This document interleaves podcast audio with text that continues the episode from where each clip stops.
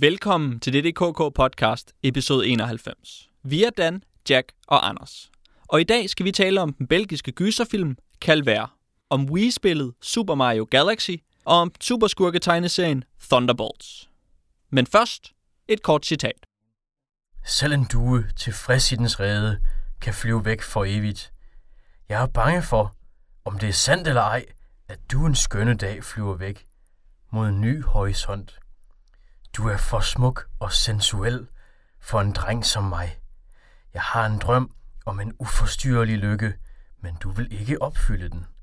Du er for smuk, og bagateller er ikke nok for mig, må du forstå. Jeg ville gerne dele min seng med dig, men det skal være for livet. Det var Mark Stevens, det der. Det kan jeg høre. Jeg får en uimodståelig trang til at invadere dit omklædningsrum og placere din hånd i mit aldrende skrev. Gør du ikke det? Og jeg som sad her og troede, at du citerede Super Mario Galaxy. jeg føler mig jo snydt. Snydt eller øh, langsomt druknende i kviksand, som dit citat jo tydeligvis oser af. Det tror jeg nok, at, øh, at øh, der er nogen, der føler. Måske du lige kan give vores lyttere øh, et indblik i, hvor kviksands-inspireret du har været, Dan. Åh, oh, jamen jeg har jo... Uh, altså, jeg har jo ikke tænkt på andet end kviksand. Kviksand, det kan jo være en helt øh, fysisk ting, som man synker ned i. Eller det kan være en følelsesmæssig tung ting, som man føler, hvis man er en, en afdanket eller aldrig, øh, eller aldrig succesfuld nogensinde øh, øh, fransk popkunstner. Afdanket eller endnu ikke danket. jeg er endnu ikke danket. Det er Eller svært at sige præcis. Bare sådan godt mellemdanket. Men danket. Det er nemlig rigtigt, øh, fordi vi taler jo udelukkende om kviksand i dag, øh, og ikke andet, øh, så vidt som, som vi ved. Og det betyder, at vi skal tale om øh, den belgiske gyserfilm Calvaire, som øh, Dan lige citerede. Det bliver spændende. Der er kviksand i, kan vi øh, afsløre. Så skal vi øh, tale om Wii-spillet Super Mario Galaxy, som også øh, har kviksand. Og så slutter vi af med at tale om superskurketegneserien Thunderbolt, som har øh, i, i hvert fald en, øh, en karakter, der hedder kviksand. I hvert fald, om ikke andet. om ikke andet. Måske er der også noget af det der metaforiske, eller simili metaforiske kviksand, som, øh, som Dan var inde på. Men øh, det ser vi til øh, til sidst i denne episode 91. Inden alt det her, så skal vi selvfølgelig som altid tale om, hvad vi har lavet siden sidst, og der er vi da spændte på at høre dig, Jack. Hvad har du lavet? Jeg har set to Fritz Lang-film, som på en måde er den samme film. Det drejer sig om... Øh, nu har jeg aldrig været god til de tyske køn, men der er Nibelungen, eller din Nibelungen. Noget med Nibelungen i hvert fald. Hvor der er en etter og en tor, som på en måde er to separate filmer, som også hænger meget sammen. De er begge to fra 1924. Øhm, og mit indtryk var, at jeg skulle se en Fritz Lang-filmatisering af Wagner-operan, øh, Nibelungen. Men øh, det drejer sig om et helt separat produkt, hvor øh, han i første omgang lavede Siegfried, som var den første, den første film, øh, der handler om den øh, unge held Siegfried, som er i smederlærer, og så hører han om en mega babe, som han får mulighed for at score, øh, Brunhilde. Og så rejser han jo ellers afsted for at score den her mega babe. Men øh, desværre så er hun søster til en virkelig vattet og ynkelig konge, som han er nødt til at blive venner med for at score Brunhilde. Og den eneste øh, måde, han kan blive venner med ham på, er ved at hjælpe ham med at score en pige. Nej, Krimhilde hedder hun. Brunhilde er hende, som, øh, som den ynkelige og vattede konge gerne vil score. Øh, og hun er helt vildt sej, og har sit eget kongerige, og hun er bare Brunhilde, og det kører fint, og hun har sin øh, her af seje piger. Men øh, ham her, den vattede konge, ville bare ønske, at hun var gift med ham.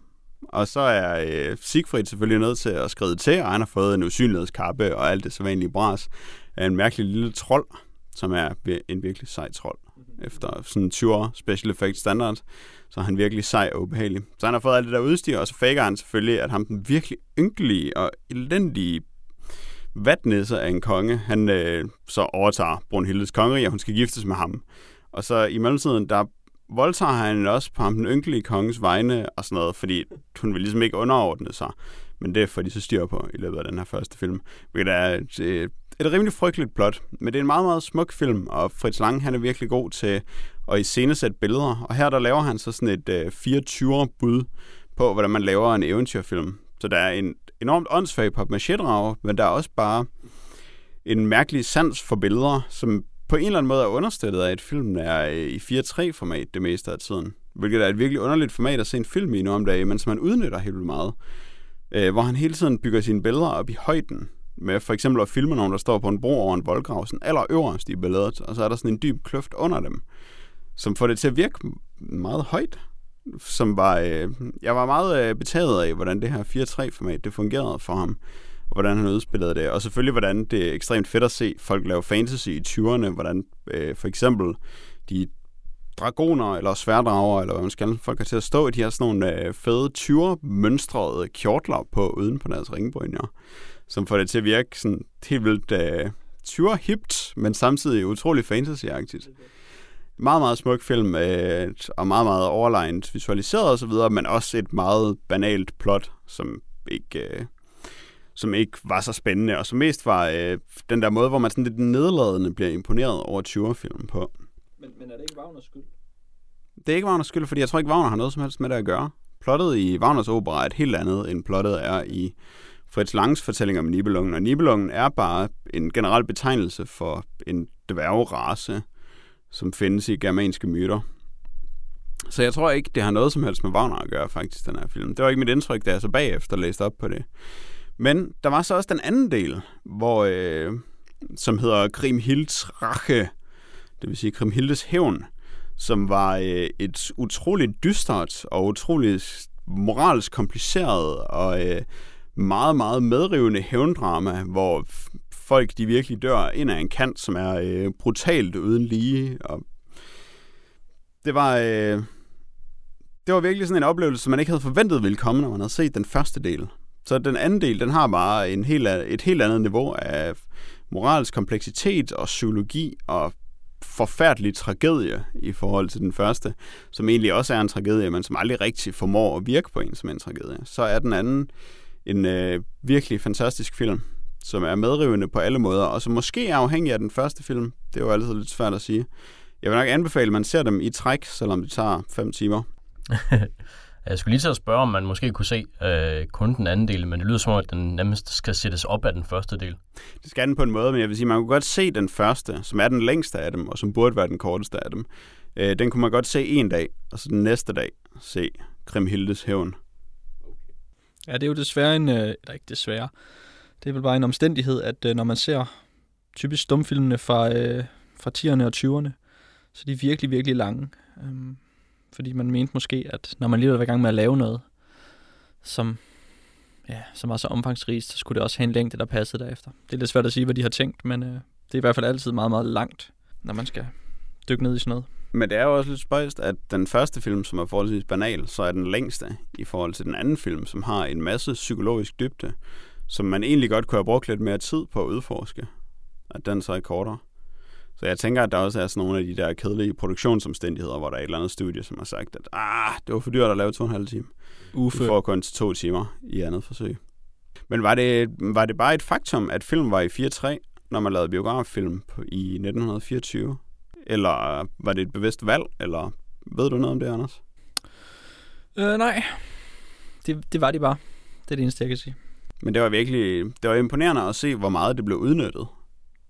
Fordi mm. man tænker, at hvis det var øh, standarden, at film de bare var 4-3, så ville man ikke tænke så meget over det, og man ville i scenesætte scenerne, som man nu gjorde, og lægge lige så, meget, lige så lidt mærke til formatet, som man gør i en biograffilm nu om dagen. Men jeg synes, det var meget påfaldende, hvor meget han bare altid havde høje rum, og filmede skråt hen over et gulv, så det fik virkelig meget i højden i forhold til bredden. Men det er måske bare, fordi Fritz Lang, han var en gudsbenådet billedmager. Ja, det må vi sige. Dan, kan du matche øhm, Fritz Lang? Jeg kan sige, at nogen, der ikke er gudsbenået billede med her. Ved du hvordan? Det er måske endnu bedre. ja, det er det. Det er, det er dem, der har lavet øh, den amerikanske remake af den britiske serie Tomorrow People fra oprindeligt fra 70'erne. øhm, I den amerikanske udgave, jeg tror det er CBS, der står for den. Øh, den startede sidste år, og øh, der er simpelthen så mange klichéer i første episode, at øh, at jeg ved ikke engang, hvor jeg skal begynde nærmest. øh, og det samme med Fox's Sleepy Hollow, også fra sidste år, fra 2013. Der er simpelthen også så mange klichéer i første episode, jeg ved ikke, hvor jeg skal begynde. Så jeg tror bare, jeg vil tale om dem som en serie. og så gider du ikke engang begynde, du går bare i gang. Ja. Øhm, altså, der er bare, der er sådan en fyr Ichabod Crane i Sleepy Hollow, eller whatever, whatever i, øh, i Tomorrow People. Øhm, den ene, han øh, vågner op efter mange år i graven, øh, og så er, det, åh, så er det nutiden, og åh, så er der nogle gode, nogle onde nogen, og så hans kone var en heks, der har givet ham kræfter. Øh, den anden, han er sådan en teenager, der begynder at øh, gå i søvne, tror han. I virkeligheden så teleporterer han, og så er der nogle gode og så nogle onde, og så har han arvet nogle kræfter fra sin far. Øh, men hvem er de gode, og hvem er de onde, det ved man ikke før til slut. Og, øh, og så slutter første afsnit. Og jeg, det, jeg, mit, altså, hvad hedder det, jeg blev simpelthen så, Øh, øh, jeg, jeg var nødt til at finde en alternativ forklaring på, hvorfor de havde så mange klichéer i sig, de her, øh, de her to serier. Øh, at jeg tænkte, at det, jeg har ikke set mere end første afsnit, for det, det kunne jeg ikke holde til, men jeg tænker, at måske, så er det simpelthen fordi, at de her serier, begge serierne vil have øh, alle klichéerne overstået til at starte med, og så begynder de så i virkeligheden i, i afsnit nummer to. Og det, øhm, det, det, det håber jeg så, at der er nogen, der vil tjekke, om det er sandt, fordi jeg, jeg tror ikke, jeg orker at se mere af det selv. Men øhm, de, de havde, det var sådan på alle punkter, at de var... Øh, altså, de, det, det er nærmest, altså, at de bare siger, at de her det er de gode, og det her det er de onde, og der er en konflikt. øh, og det er simpelthen, altså, det er simpelthen så virkelig, virkelig bredt, som det kan blive. Det virker i hvert fald meget rammende, at, at da du skitserede de to starter, så vidste jeg ikke, hvad der var Sleepy Hollow, og hvad der var Tomorrow People. Selvom jeg har set Tim Burton-filmen, så jeg burde vide, hvad Sleepy Hollow handlede om. Ja, men serien er, er lidt noget andet, fordi den, det er så den her Sleepy Hollow legende, legende med øh, Ichabod Crane, som jeg tror oprindeligt i legenden, så er han lidt sådan en, en øh, ja, sådan lidt en tumpe, øh, eller lidt sådan en komisk figur, der så møder den her øh, rytter uden hoved, og øh, nu er han sådan en sej, plaget mand, der har mistet sin kone, og som sagt vågner op i nutiden, og der er en hovedløs øh, rytter efter ham stadigvæk. Men, I nutiden? I nutiden, ja. Og, øh, og det er simpelthen, øh, ja, altså det, ja, altså jeg, jeg kan nærmest ikke sådan huske nogle detaljer fra nogle af serierne, fordi de, de, de er bare så det bredeste af det brede inden for, den, inden for de genrer, altså sådan den der øh, eventyrbølge øh, med hensyn til, til øh, Sleepy Hollow, og så bølgen af sådan nogle øh, folk med superevner inden, øh, inden for uh, Tomorrow People, altså virkelig de helt bredeste af dem. Hvordan optræder en hovedløs rytter i vores dage? Det er altså lidt svært ved at forestille mig.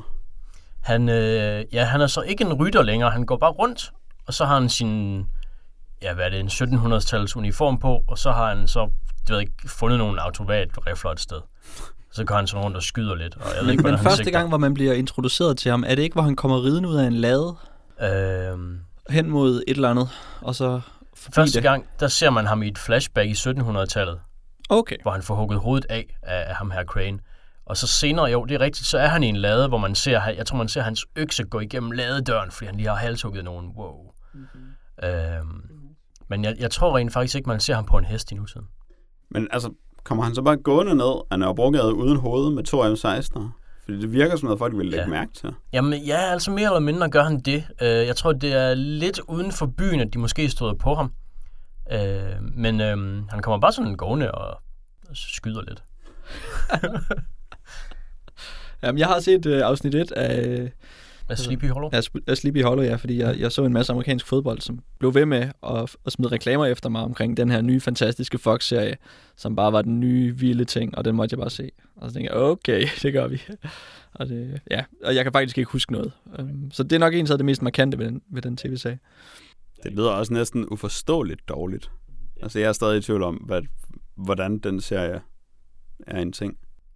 Jeg ved det heller ikke, og, og jeg synes også, det var øh, helt ufatteligt øh, øh, ørkesløst at se den. Og det samme med, med Tomorrow People, der sådan havde det...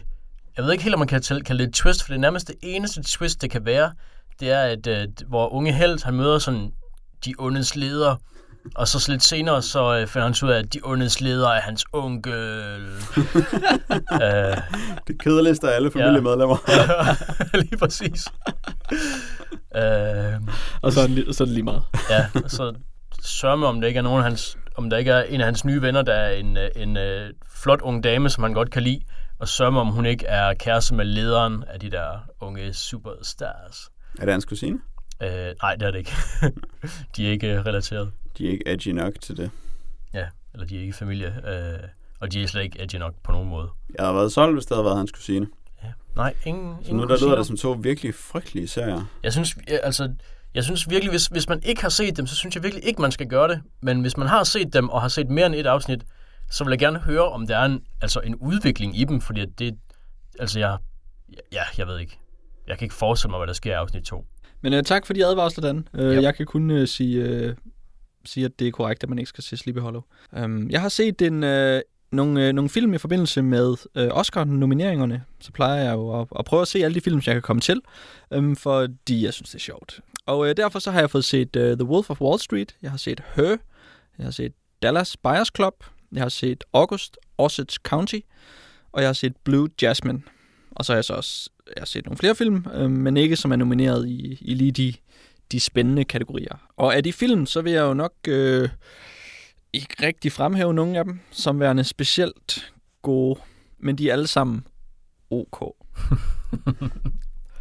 Hvis du nu skulle Det er, sådan rigtig, en, men det er faktisk ret imponerende, at jeg sad en, øh, en, en, jeg brugte måske en weekend på at få set de her film her, og øh, de var alle sammen sådan rimelig okay, men ikke rigtig noget specielt, og de var alle sammen sådan, altså, de er alle sammen dramaer, som, som handler om sådan nogle samfundsaktuelle emner, og hvordan vi indretter os, og sådan medic- medicinindustrien, eller computere, der overtager forskellige sociale roller i samfundet, eller familiemønstre, eller, eller sådan nogle ting. Og, og så var det sådan, så var det det. så det, det var ikke noget, der, der fik dig op og, op og køre. Nej, det var der faktisk mm. ikke. Så nu med nogle øh, flere øh, nominerede film under, under bæltet, Anders, hvad, hvad er dit bud så på, på bedste film? Jamen, lige nu er der ikke en. Jeg mangler stadig uh, to. Øh, Jeg mangler se Nebraska mm-hmm. og Philomena, som faktisk er dem, jeg glæder mig. Jeg hele tiden har glædet mig mest til at se, øh, men som jeg ikke har fået set endnu. Øh, Okay. Så, så jeg håber på uh, Nebraska er rigtig, rigtig god. Men jeg, jeg ved som sagt øh, ikke særlig meget om de film, fordi jeg har ikke set dem endnu, og jeg kan godt lide at Ja. vide noget om film, inden jeg ser dem. Klart. Jeg tror, at den eneste af de film, du lige nævnte, det var, øh, the, som jeg genkendte, det var The Wolf of Wall Street. Og jeg har det rimelig fint med, at de andre, de bare forbliver fuldstændig af min radar, fordi det lyder ikke som noget, der er nogen grund til at kende til. Men uh, The Wolf of Wall Street har jeg hørt modstridende beretninger om, hvor god er. Så har du lyst til at fortælle lidt om den? Jamen, det er jo en uh, Scorsese-film med DiCaprio i hovedrollen, um, og så er den uh, historisk baseret på uh, The Wolf of Wall Street, som var en, uh, en børshandler, som fandt ud af, at man kunne uh, handle i noget, der hed uh, penny stocks, og at der var en kæmpe afkast på de her penny stocks, som betød, at aktie, øhm, hvad kalder man det, handleren, han, øh, han fik en kæmpe procentandel af, af det, der blev handlet. Og så lavede han et, øh, en virksomhed, som tjente utrolig mange penge på det. Øh, og så var han bare sådan en smart Wall Street-type, og sådan lidt den der arketypiske, øh, hedonistiske, øh, sådan øh, yuppie Wall Street-type. Og så ser vi ellers, hvordan hans, øh, hans optur og hans fald, det, øh, det foregår. Men hvordan er filmen? der er måske ikke så meget at sige. Men det synes jeg ikke, der er, nej. Øh, det synes jeg egentlig ikke. Altså, den har nogle komiske sider, den har nogle dramatiske sider. Den har ikke så mange spændende sider, desværre. Og det er måske øh, derfor, at den ikke rigtig er noget. Det, øh, jeg så traileren til den, da jeg var øh, i biffen for ikke så lang tid siden. Der fik man også på fornemmelsen, at der så man måske alle de der tossede highlights, der ligesom var. Ja, men dem er der rigtig mange af øhm, hele tiden. Øh, og det er, også, altså, det er jo også det her portræt af den her kultur. Men man ved jo godt, at det er en kultur, der ikke rigtig eksisterer. Det er bare en, vi godt kan lide at tænke på som, som noget. Øhm, og, altså, selvfølgelig har, har, har han haft kedelige dage, ham her, Wolf of Wall Street. Men, men det ser vi bare ikke i filmen. Nej, det, det fokuserer den nok ikke rigtig på. Nej. Øh, og så er der jo alt det her øh, DiCaprio-emotion. Øhm, hvordan han bare sådan kan krænge sin stemme øhm, og blive øh, ekstremt følelsesladen og øh, spænde alle muskler i ansigtet, når han skal holde mm. en episk tale. Og det gør han på sin DiCaprio-måde, og det er han jo skide god til. Men, Mm. øh, men det er jo ikke, det er ikke, det er bestemt ikke en film i sig selv. Men altså, en DiCaprio-taler, det lyder næsten som om, det er nok i sig selv for mig. Ja, men så synes jeg, du skal se The Wolf of Wall Street, for han har nogle rigtig gode taler. Så synes jeg, det er den bedste film til Oscars i år. Det, det, det synes jeg, du Men skal det- satse på. Det stemmer virkelig godt med, hvad jeg havde forventet af et hvert Oscar-opløb. Hvordan det hele bare er fuldstændig ligegyldigt. Ja, men det er også lige sjovt med den her bedste filmkategori, hvordan at, øh, at, at det hele er drama, og der er noget af det, der sådan er nutidigt, og så er der noget af det, der sådan er et par år tilbage, men ikke sådan for langt væk. Um, og jo, vi har selvfølgelig øh, uh, 12 Years a Slave, som, som går et stykke tilbage, men der er ikke rigtig noget, noget spektakulært iblandt, synes jeg. Men det er jo alle sammen, det er alle sammen fine film. Man kan, de er alle sammen seværdige, vil jeg sige. Det virker bare som sådan en middelmådighedens pris, den der Oscar, synes jeg. Det var altid sådan en film, som lige, de lander virkelig midt i bæltet. De er ikke rigtig noget særligt, men de, det er jo en godt håndværk. Der er ingen, der har noget mod dem. Nej, og det, er jo også, og det betyder jo også, at når, at når der er en stjerne, når du går ned i uh, Blockbuster og skal lege en DVD, og der er en, uh, den, har, den er nomineret til en Oscar-stjerne på den, så betyder det jo, at den har bare en OK kvalitet. der er ingen, der har noget imod Det, den. øh, Nej. Og se en Oscar vinder, det er bedre end et spark i pækken. ah, det, det må du stå til regnskab for det der, Jack. Øh, gå ned i Blockbuster, siger du. Er de, eksisterer de stadigvæk? De er faktisk lige øh, blevet opkøbt af TDC, den. Wow. Mm. Og de bliver til et eller andet recycle, et eller andet, hvor de skal til at sælge refurbished computer og telefoner, i stedet for at lege filmet. Så de, de hedder nok heller ikke Blockbuster længere, så.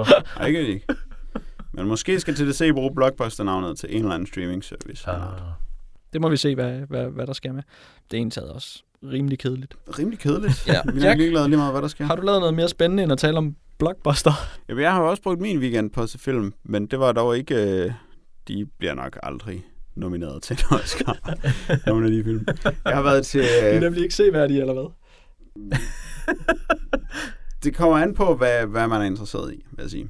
Jeg har været til Faces in the Dark, som var en øh, minifestival, som Husets Biograf, som i Huset i Magstræde, afholdt I København. i København. Øhm, hvor der blev, der var nogle forskellige temaer for de forskellige dage. Jeg var kun med til lørdag og søndag, hvor lørdag var italiensk gyserdag, og søndag var erotiske kannibaler og kung fu dag. Og i løbet af de to dage fik jeg så øh, til italiensk gyserdag set øh, Night of the Devils, som var noget virkelig slow euro horror fra 1974, instrueret af Giorgio Ferroni, som kun har lavet en anden god film, som han lavede i 1960, som var øh, Blood of the Stone Women, tror jeg den hed. Øh, og så har han lavet den her, som var en ualmindeligt træ film, men også ualmindeligt italiensk og 70'er-agtigt. Så der var en italiensk 70'er-fyr med overskæg, der strandede på det østeuropæiske land. Øh, og der var en Wurdelak, som er en vampyr, for alle dem, der ikke er ekstremt østeuropæiske i 70'erne, som øh, fik lavet lidt ballade, og han gik fra forstanden. Og det var... Jo, det var meget, det var meget bedårende, og det var meget 70'er italiensk. Det manglede lidt alt det der jetsetter-liv, som man kender fra Giallierne. mm. Men det var, øh, det var bedårende og langsomt og 70'er-agtigt og dårlig kvalitet og med tag i overskæg og det der tøj, som de havde på i italienske splatterfilm fra 70'erne. Det var sådan set fint nok. Ingen klager over det, men det var til det der specielle publikum, som bare er vilde med gyserfilm fra 70'erne fra Italien. Den anden film var The Beyond, som jo er en af mine yndlingsfilm overhovedet. Øh, en af Lucio Fulcis splatterfilm. En del af hans øh, Gateways to Hell-trilogi, som nogen siden han har døbt den, selvom det egentlig ikke var noget, han havde med at gøre. Øh, som handler om, at der er en port til helvede under et hotel, og den går op, obviously. Og så ville producenterne gerne kapitalisere på øh, George Romero's Night of the Living Dead. Så der skal også lige være nogle zombier, og den skal også lige kunne sælges som en fortsætter til Dawn of the Dead. Så han var nødt til lige at skrive manuskriptet om til sidst at have måske de langsomste zombier, der nogensinde har været i en film med i et mærkeligt opgør under øh, hotellet. Men det er, øh, det er et smukt og øh, usammenhængende og, øh, og rørende mesterværk inden for italienske splatterfilm. Endnu et mesterværk. Og det siger du med den største seriøsitet. Det gør jeg faktisk. Jeg synes, uh, The Beyond er en fantastisk film. Den er, uh, den er skræmmende og forfærdelig og rørende og svælger i sin pathos på en måde, som ikke særlig mange gyserfilm tør gøre. Uh, og den har en den der næsten surrealistiske kvalitet, som Fulci han har givet sin bedste film. Uh, det er ikke et særligt sammenhængende plot, men det er, det, er sådan, det er på en måde forfærdeligt, og det er på en måde meget alvorligt, alt det, der sker i dem. Og den har øh, Fabio Fritis måske bedste soundtrack, som jo er med til at give den en ekstra en på den følelsesmæssige kadence. Så det er virkelig, det er det ypperste, man kan se inden for italienske splatterfilm, og i tilgift er det så rent faktisk en virkelig god film, og virkelig imponerende filmkunst. Så det var altid dejligt at se den, og nu har jeg set den i biografen, og øh, så er der styr på det. Den sidste film var fra 1994, hvilket er rimelig ungt, når det kommer til at se italienske gyserfilm. Det er som om den italienske filmindustri ikke har været det samme, efter den ikke bare kunne efterligne alt, hvad der var populært i resten af verden, og så lave et cheap knock-off af det. Men det var øh, De la Morte de la Morte, som på engelsk hedder Cemetery Man, som faktisk er engelsk indtalt oprindeligt, og har en engelsk skuespiller i hovedrollen, nemlig Rupert Everett, som jeg ikke ved, om nogen af jer kender. Men øh, han ser lidt ud, som hvis øh, Antonio Banderas og Benedict Cumberbatch, de sådan fik et kærlighedsbarn på en eller anden måde. Han er en ekstremt tacky hunk på en grotesk måde, som passer virkelig godt til den her film, som, som er camp på den måde, hvor den virkelig bare svælger i sin egen æstetik, og er så meget sådan sin egen ting, selvom det er helt ved siden af, hvad alle andre ville kunne tage alvorligt, så tager den sig selv alvorligt på en eller anden måde. Den synes selv, at den er smuk, og den gør det på så charmerende en måde, at man ikke helt kan lade være med og synes, at den faktisk er ret smuk på sin egen inkompetente måde. Øhm, den handler om Robert Everett, som spiller en fyr, der passer en kirkegård, og på den her kirkegård, der vender de døde tilbage til livet efter syv dage, og så skal han ud og skyde dem. Øh, og det synes han egentlig er fint nok, fordi han får det her mærkelige skur på kirkegården, som han kan bo i, og så er det bare, så synes han bare, at det er et rimelig fedt job, han har, og så er han en honk, og så møder han en ung dame, som lige har begravet sin øh, mand, som han selvfølgelig tror er hendes far, og så har de en affære, og så er der en masse, der ligner hende og har affære med ham på samme måde, og så er der en masse lige og en virkelig grotesk øh, graver, som han har til at hjælpe sig, og det hele er øh, fuldstændig bizart rodet sammen af ting, der ikke hænger sammen, og et mærkeligt forvirrende plot, og ingen ved, hvordan det ender. Men den kan tydeligvis virkelig godt lide sig selv, og det fandt jeg bare så charmerende, at øh, jeg faktisk synes, at det var en rigtig god film. Så Cemetery Man fra 1994 var måske den store, spændende overraskelse, det der. De to film på øh, erotiske kannibaler og kung fu dagen, som jeg fik set, fordi jeg sprang den sidste øh, kung fu film over, fordi jeg tror ikke, jeg kan lide kung fu film. Jeg synes langt det meste kung fu, det, er, det ser virkelig kedeligt og åndssvagt ud. De har en, sådan en mærkelig måde at slås på i kung fu film hvor folk de bare sådan lægger deres underarme op af hinanden, og så vipper de dem sådan lidt frem og tilbage, og så er der syge lydeffekter. Og så sidder man og tænker, men det der, det ville jo aldrig have gjort ondt, selvom hvis du ikke havde pareret det med den der syge lydeffekt, når du gjorde det. Det er ikke en, det er ikke en slåskamp, det har. I danser bare lidt rundt med hinanden. Det, det fine ved den, som jeg så, som hedder Crippled Masters, var så, at de to hovedrolleindehavere, de rent faktisk var rimelig alvorligt handicappet hvor den ene var født med en sygdom, som gjorde, at hans arme var øh, enormt underudviklet. Så han havde kun sådan en kvart arm. Der var sådan en øh, lille armstump med en knogleudvækst for enden af og en enkelt finger. Og så skulle han lave kung fu med den. Og han var virkelig god til at svinge sådan en øh, stav med sin mærkelige armstump, hvilket var øh, ret sejt. Og den anden fyr havde sådan nogle visne ben, som han bare bandt sådan en knude på under sig, og så hoppede han rundt på sine arme. Og det var øh, måske noget af det mest exploitation-baserede, jeg nogensinde har set. Men på den anden side, så var det jo også fedt, når de kunne lave noget sej kung fu, de der to folk, fordi de var tydeligvis meget veltrænede og havde øh, øvet så meget i det, de gjorde. Men øh, sådan, som film betragtet og som kung fu betragtet, så var det fuldstændig frygteligt at se på. Men det var også quirky. Det udvidede min horisonter for, hvad film kunne være. Så det er fint. Øh, og den sidste var så Emanuel og de sidste kanibaler. Øh, and the Last Cannibals, fordi på dansk der hedder den Emanuel på Safari. øh, som er en... Øh, det må jeg nok sige.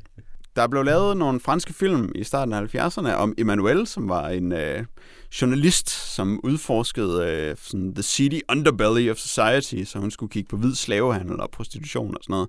Og så skulle hun samtidig tage tøjet af mest muligt, mens hun gjorde det. Og italienerne, som jo ikke var blege for at lave cheap knockoff på det tidspunkt, de lavede så Black Emmanuel, hvor de hyrede en... Øh, alle de der øer, der ligger lige over Australien, der kommer fra. Laura Gemser, som spillede Black Emmanuel, som så var en lidt mere asiatisk Emmanuel, der øh, udforskede the endnu mere seedy underbelly of society, og så tøjet endnu mere af. Og så øh, skulle hun ud og kigge på kannibaler, fordi de findes selvfølgelig ikke. Men øh, det lykkedes dem at finde nogle kannibaler til sidst, og det lykkedes dem alle sammen at tage tøjet af. Og det var en spøjs oplevelse, fordi jeg sjældent har set den her deciderede filmgenre af blød porno, hvor på en måde, så laver vi en kanibalfilm i bedste Mondo-tradition, men så skal vi også hele tiden lige klippe til, at folk har taget tøjet af og øh, lader, som om de knaller på sådan en virkelig uoverbevisende måde, men hvor der er virkelig mange bryster, imens vi gør det. Og alle skal lige ind under vandfaldet og stå, og så skal de lige vaske hinanden og sådan noget. så det var utroligt plat og utroligt dårligt, men nu ved jeg, hvor dårligt det egentlig er, den der italienske knock-off af Emanuel-genren. Det bliver også lidt hårdt, når de begynder at nokke ting off, som virkelig er knock-offs i forvejen, ikke? Ej, det, det lyder virkelig hårdt. Ja, det, det, Jeg kan forresten øh, øh, oplyse, at Rupert Everett øh, er Prince Charming i Shrek-filmene. Han er i hvert fald stemmen af Prince Charming. det virker han oplagt til, fordi han er virkelig den der øh, Jane Austen Heathcliff-type, hvor han bare sådan er alt for hunky, så det bliver fuldstændig åndssvagt at se på ham. Og samtidig ser han rimelig grotesk ud. Øh, imponerende, Jack, det må jeg sige. Dan, hvad har du? Ja, ja men jeg kan slet ikke være nær så imponerende. Nej. øhm, Jamen, øh, Dan, du kan sikkert øh, være noget helt andet og lige så godt. ja, men det kan jeg. Ja. Jeg kan, være, øh, jeg kan være en, der har hørt en podcast, Oh, ja. som, øh, som jeg jo ikke er noget, jeg gør sådan så vildt meget i, fordi at jeg bare ikke kan finde et tidspunkt at høre hvem, på. hvem hører lige podcast? ja, det, det er håbløst gammeldags. Øhm, men jeg har hørt øh, en podcast, der foregår på engelsk, men er lavet af en dansker. Øh, og den hedder øh, Comics for Beginners. Og det er danske Palle Schmidt, som nogen måske kan genkende som en, øh, som en gammel øh, rollespils øh, rotte. Ham, der har lavet rollespilsystemet Fusion. Øh, det er det nemlig, ja. Øh, det er det nemlig. Og det er, han, ja, det er måske en af hans mest øh, kendte bedrifter i Danmark, og han har så også lavet nogle tegneserier. Den første hedder Blodets Konkubine, og så i ja, sidste år må det være, så lavede han en, der hed Stiletto. Men han øh, er så begyndt at lave en øh, podcast i løbet af 2013, hvor, øh, hvor, han så, hvor det så handler om ja, lidt hans øh, tegneserie karriere, hans råd og sådan nogle øh, korte interviews med andre øh, tegneserieskabere. Og øh, den fandt jeg egentlig, øh, jeg tror jeg har hørt op til nummer 6 af dem. Og jeg synes, jeg, jeg, jeg fandt den meget øh, charmerende sådan, fordi han er sådan meget øh, ærlig og meget sådan laid back i hans øh, danske måde at være på, og selvom han interviewer nogle amerikanere og lignende.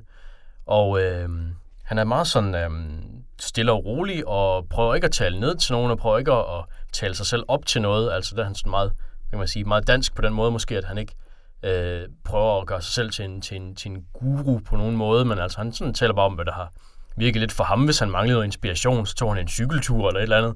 Øh, og det er sådan set meget hyggeligt. Øh, Spiste en leverpostejsmad. Ja, lige præcis. Øh, og så taler han så med nogle, øh, nogle forskellige øh, amerikanske serieskaber også. Øh, jeg tror, det er nogle interviews, der han, han foretog på San Diego, San Diego Comic Con sidste år. Og så øh, lidt, lidt, øh, lidt sjovt og også lidt, øh, lidt øh, hyggeligt, så er, hvad hedder det, de der øh, podcast-afsnit, de var, var alt fra sådan 6,5 minut til en halv time. det synes jeg også er ret fedt. Så det, det virker sådan meget øh, whimsical, den måde han gør det på, men øh, det har været ganske hyggeligt indtil videre. Det lyder spændende, Dan. Har du lært noget om, hvordan man laver tegneserier af det? Øh, Eller hvordan man læser dem eventuelt? ja, eller ikke hvad man læser, men, men hvis, man, hvis man virkelig gerne vil, så skal man bare lave det. og så skal man ikke være så bange for, at der ikke er nogen store companies, der synes, man er helt vildt sej. Og hvis man ikke kan få nogen til at udgive det, så skal man bare selv udgive det. Det er bare vejen frem. Og man skal spise sine gule ærter. Ja, lige præcis. Uh, men nej, det, det, det er meget interessant at høre, især når han taler med, med nogle af de andre serieskaber om, hvad, hvad deres indgangsvinkel er, og hvad der, hvad der har virket for dem, uh, og, og den slags. Så det, det, de har startet meget med sådan noget self-publishing, og, uh, og, og kommet uh, til nogle kontakter den vej igennem. Og uh, det er... Um, ja, det, det er hyggeligt, hvis man, hvis man tænker lidt på... øh, hvis man er lidt interesseret i, i hvad kan man sige, tegneserieindustrien på en måde. Hvad af de folk, han taler med? Øhm, ham, der står bag den der, øh, hvad hedder den, March? Den der, øh, biograf, den der biografiske tegneserie er sådan en, øh, hvad hedder det, øh, hvad han, en menneskerettighedsforkæmper, øh, som udkom for ikke så lang tid siden. Hvis det siger nogen noget. Det lyder ikke som om, det er sådan de mega kendte folk, han Ja. taler om. Nej, men den, den March, den er faktisk, øh, den er faktisk noget, øh, fået et ret godt omdømme. Jeg tror, det, den udkommer i tre øh, bind eller noget i den retning. det behøver det heller ikke være. Ja. Jeg synes Nej. egentlig næsten, det lyder mere spændende, at han taler med nogle af dem, som man ikke har hørt tusind ja. gange sige, jamen du skal bare blive ved med at tegne, så skal du nok blive ja. sådan noget en dag. Øh, ja, jamen det, det, er- det er også rigtigt. Og, øh, altså, der var, øh, jeg, jeg kendte så ham, der fyren, jeg kan ikke huske, om den hedder March, men, øh, men det tror jeg, den gør. Det antager jeg, Du kender ham ikke vildt godt. Nej, men altså, det, det, jeg kendte ham fra den bog i hvert fald. Øh, og øh, så var der et andet navn, jeg genkendte, men jeg genkendte ikke, hvad han havde arbejdet på. Så det er sådan, altså nogle, bare nogle små folk indtil videre i hvert fald. Øh, jeg har hørt ham tale med, og, øh, og det, det, det, har været, det har været fedt. Jamen i, i, den, øh, i den retning, så kan jeg da også nævne lige her til sidst, her på rundens, rundens falderæb, at øh, jeg har hørt Batman, Fatman on Batman, må jeg hellere huske at sige. Altså Kevin Smiths øh, Batman øh, podcast, hvor han har interviewet Neil Adams, øhm, her i, i, i, i, i de sidste par episoder. Der, der har nu været to episoder af cirka en, en times varighed, hvor han har talt med Neil Adams. Øh, og, øh, og jeg glæder mig til, at episode 3 kommer, hvor de skal tale om Batman Odyssey, en øh, Wow. podcast, som vi talte om, øh, eller en, øh, en tegneserie, som vi talte om i en podcast for, for et, et, en stund tid siden. Um, og det er faktisk ret, ret spændende at høre Neil Adams. Han er fyldt med lort. Um, det, det er virkelig helt vildt, så... Øh, Altså, han lever i en helt anden verden, det er der ingen tvivl om, øh, men, øh, men det, er, det er faktisk ret god, ret god radio at høre. Så det vil jeg anbefale, at man finder øh, noget Kevin Smith Smutcast, som de kalder deres øh, radio, Imperium, og så lytter til øh, Fatman om Batmans interviews med Neil Adams. Det skal jeg helt sikkert gøre. Det lyder jo især fedt, fordi at i næste afsnit, der skal Kevin Smith så være mega begejstret for Batman Odyssey. Og det er, det er han. Ja, men det er det jo, fordi han er begejstret for alting, hvad han taler om i Ja. radioprogram. Og han er vildt begejstret for det. Det må man sige. Og det lyder bare som om, at Batman Odyssey, det er alligevel, nu giver ham en udfordring på en eller anden måde. skulle man tro. Altså, det, Den er, det, det er altså noget, kun en mor kan holde af, den tegneserie.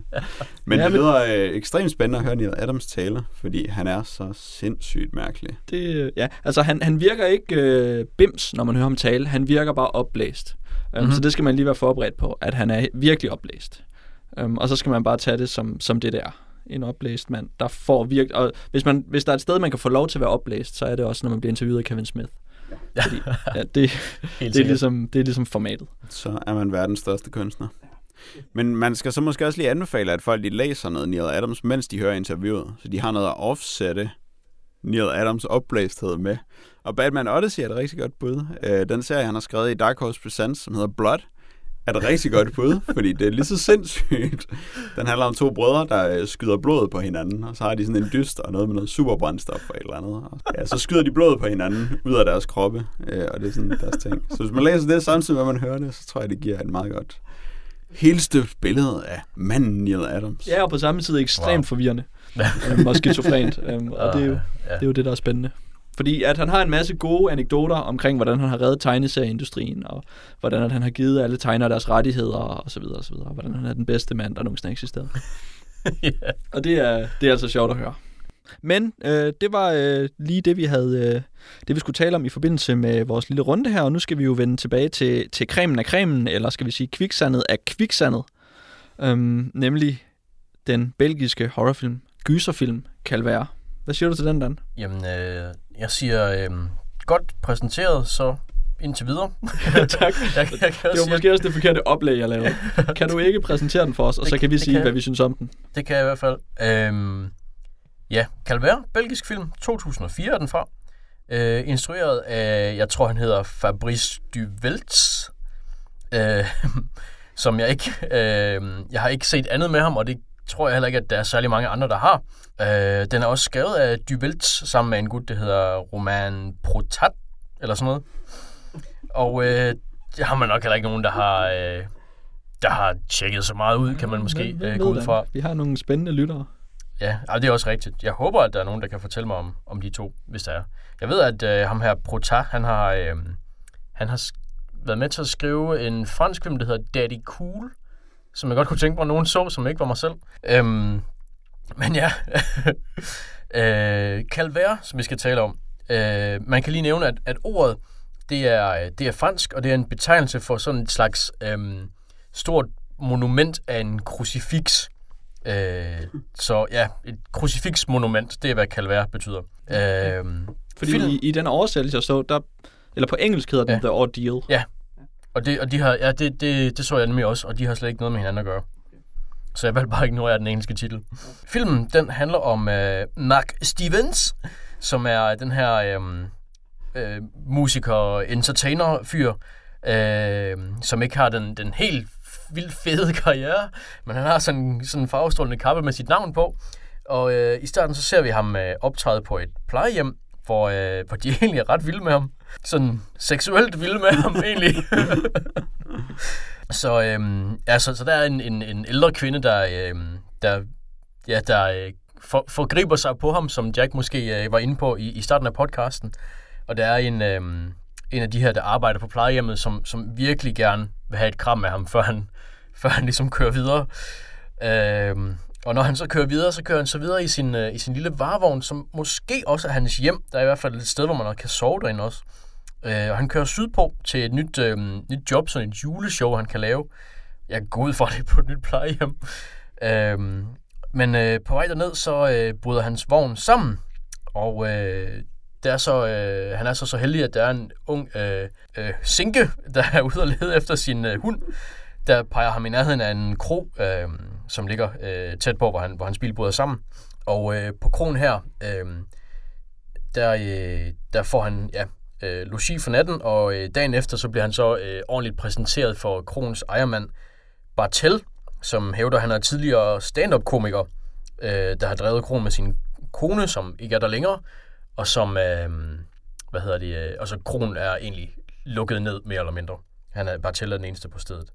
Og øh, så øh, Mark Stevens, han venter så på, at der skal komme en mekaniker og fikse hans bil.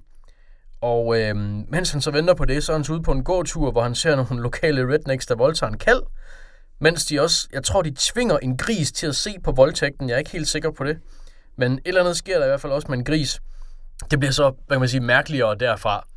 Øh, han fremfører blandt andet en, en lille sang for, for ham her, Bartel. Øh, fordi at han, øh, Bartel er vild med, at Mark er entertainer, ligesom han selv. Og øh, det, var, øh, det var faktisk den sang, som, øh, som citatet i starten var fra. Øh, med, med duen og, og kærlighed og alt det der. Og øh, dagen efter, så opdager Mark, at Bartel faktisk er brudt ind i hans vogn og har stjålet hans mobiltelefon, øh, samt nogle, nogle nøgenbilleder af, af en fra plejehjemmet, som han ikke var klar over, han havde. Øh, og øh, det eskalerer så tingene, og Bartel øh, smadrer og brænder hans bil, og begynder åbenlyst at tro, at øh, ham her Mark er hans øh, kone Gloria, der er vendt tilbage til ham. Og øh, ja, det, det, det eskalerer endnu mere. Jamen, det er sjovt, fordi øh, faktisk frem til, til det punkt, hvor du beskriver, det vil sige der, hvor det hele eskalerer. Ja. Øhm, fordi vi har jo en lang, øh, en lang opbygning af, af spænding. Lige fra starten af, så er der noget, som er mærkeligt ved den her film. Noget, som der, der er sådan en, en, en pervers øh, fornemmelse eller pervers følelse lige fra starten af det, der foregår. Øhm, den her sådan utrygge stemning, og, og så bygger det ellers op indtil det her punkt, øh, hvor at, at der er en konfrontation, som faktisk er lige præcis i midten af filmen. Mm. Øhm, og så derfra så kører den så videre til en, i sådan et, øh, et en klassisk øh, gyser eller, eller horrorrille, øh, hvor vi har en, en, en hovedperson, som skal prøve at slippe væk. Er det, øh, er det god underholdning, eller er det noget, som, som provokerer dig, det her, Jack? Det provokerer mig i hvert fald overhovedet ikke. Det er... Øh, jeg synes lidt, det er noget venstrehånds arbejde.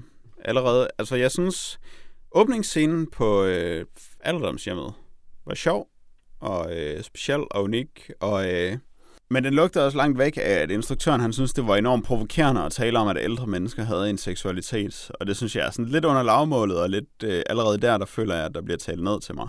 Så går vi videre til den scene, hvor hovedpersonen han kører i sin bil i regnvejr, og kameraet zoomer mere og mere ind på vejen, så vi til sidst har et lille bitte fokuseret punkt af regnvejr på vejen. Og så er der noget, der kommer hen over vejen, øh, som hvis man sad i bilen, så ville man tydeligvis have mere mulighed for at se, hvad det var, der havde bevæget sig hen over vejen. Men fordi vi som filmisk greb har valgt, valgt at fokusere på lige præcis det her område, så kan vi ikke se, hvad det er, og så skal vi blive vildt chokeret over det. Det synes jeg er øh, billigt, og det er tåbeligt, og allerede der bliver det svært at sætte sig ind i, hvad det er, hovedpersonen oplever, fordi at det er ikke det, som nogen ville have set i den situation. Men vi skal lade som om, at kameraet er hans blik på situationen. Og så er jeg jo mere eller mindre stået af. Og så ser vi, og så i løbet af historien, så har vi bare den her, det er sådan lidt for det er, måske, bare, bare lige, øh, så kan vi måske stoppe en halv her og så sige, at, øh, at, at der er nogle ting med den her film, som, øh, som, som ikke virker fra starten af, som ikke får os revet med fra starten Absolut. af. Ja. Øhm, oplever du også det, Dan? Ja, man er ret tydeligt øhm, øh, koblet lidt af øh, hovedpersonens oplevelser på mere end en måde, tror jeg faktisk både den måde, som Jack beskriver med, at vi ikke, altså vi, vi ser ikke rigtigt, hvad han ser, men, men kameraet foregiver det lidt. Øh, men han er også øh, en, en, meget, øh, en meget passiv person, der nærmest ikke handler, og så ved man ikke helt, hvad han synes om ting. Altså, ja, mit indtryk er, at skuespilleren faktisk er rimelig sej, men, men i og med, at øh, han egentlig siger så lidt og gør relativt lidt, så sidder jeg og tænker lidt, hmm, hvad, hvad, hvad, hvad synes du lige om det her?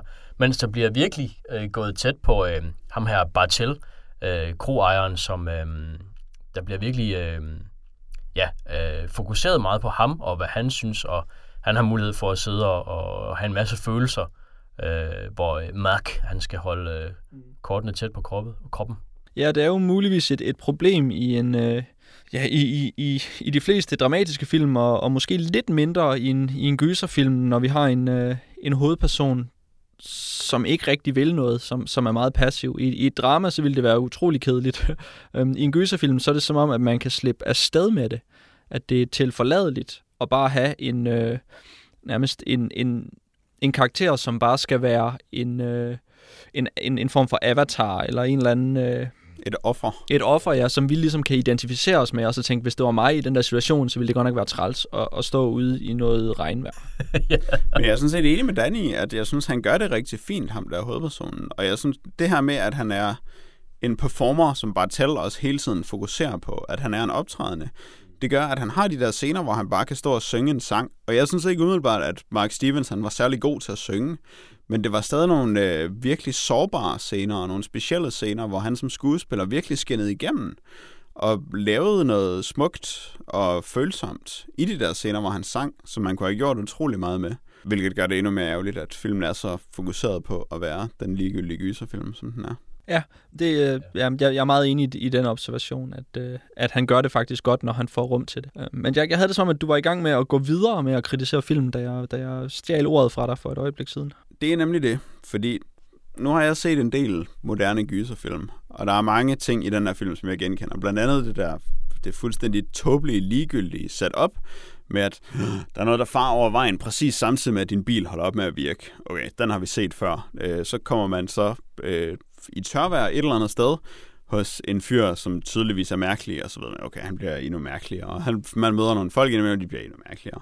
Men så er der også noget med kameraarbejdet, som er det her med, at det er sådan det lidt for nærgående håndholdte kamera til at begynde med, hvor vi, øh, hvor vi sådan hele tiden ikke rigtig kan se, hvad der foregår omkring os, og vi er hele tiden helt inde ved personen, som er vores øh, designerede offer for den her film. Øh, og når det så går ham værre og værre, og det bliver mere og mere brutalt og hæsligt for ham, så øh, zoomer vi ligesom ud til det her øh, mise en scène, er det det rigtige ord, om den her fjerne indstilling, hvor vi bare sådan ser hele scenen, som folk bevæger sig rundt i, som er uambitiøse filmkritikere bliver kaldt den nihilisme, som der er i moderne gyserfilm, øh, og som er forholdsvis inkompetente filmskabere, som ham, der har lavet Calvert, bliver brugt som virkelig sådan en edgy, gritty, nu er det bare en frygtelig situation det her, og der er ingen skånsel, fordi vi har bare det neutrale kamera, som nægter at give dig en chance for at undslippe, hvor forfærdelig den her situation er. Og som så længe der ikke er en ambition bag det, så længe du ikke vil noget med det, så betyder det bare, at det er fuldstændig ligegyldigt, det du gør. Så sidder du bare og siger, ja okay, det, ham der fyren, han bliver øh, gruppevoldtaget, det anden gang i dag, jeg ser en fyr blive gruppevoldtaget. Ham er, han er i det mindste ikke mindre så det er da, det er da altid noget. Det er den følelse, man sidder tilbage med, når man gør det på den måde. Og det er bare alle klichéer. Det er selvfølgelig, det er jeg har ikke engang nævnt color grading, det er selvfølgelig men jeg ved, hvordan, hvordan den er. En skarp kritik, du kommer med lige nu, Jack, og det er måske fordi, at den her, øh, at den her film, den repræsenterer en, en tendens, eller den repræsenterer nogle, nogle lette tricks, som en filmskaber er forsøgt at, at, at slippe igennem med i den her film, og så prøve at være provokerende. Altså Dan, han præsenterede det jo meget godt i sin, i sin introduktion med, at, øh, at han er ude at gå en tur i, øh, i det landlige landskab, og han har fået at vide, at du må endelig ikke gå ned til landsbyboerne, fordi de er ikke som os, de er ikke entertainere, men så går han derned alligevel, og så ser han selvfølgelig uh, have sex med en, et, en gris eller en ged, jeg er ikke helt sikker. det er måske også... Det er ikke til at vide, hvad der foregår i den scene sådan helt. Nej, det er det. Um, men, men filmen har jo vel også nogle, øh, nogle gode idéer eller hvad? Hvad siger du, Dan? Ja, øh, jeg, synes, jeg synes, der er nogle interessante ting. Øh, og der er, øh, ja, hvad kan man sige? Det, det er meget interessant. Øh, jeg ved ikke, om, om det kun er godt. Nej, det er det ikke. Men det er meget interessant, at Bartel, han begynder at tro, eller det ved jeg ikke, måske hele tiden har troet, at det her det er hans, hans kone, der er vendt tilbage. Ja, altså du taler om, øh, om Mark Stevens, Mark Stevens hovedperson. Ja. Ja. Ja. At, at, øh, at han bliver tilfangetaget, og så tror skurken Bartel, ja eller vi ved, ikke, om- vi ved ikke helt, om han tror det, eller om han bare leger det. Ja, det er svært at sige. Ja. Øh, det men han han, anser ham for at være Gloria, hans, hans kone.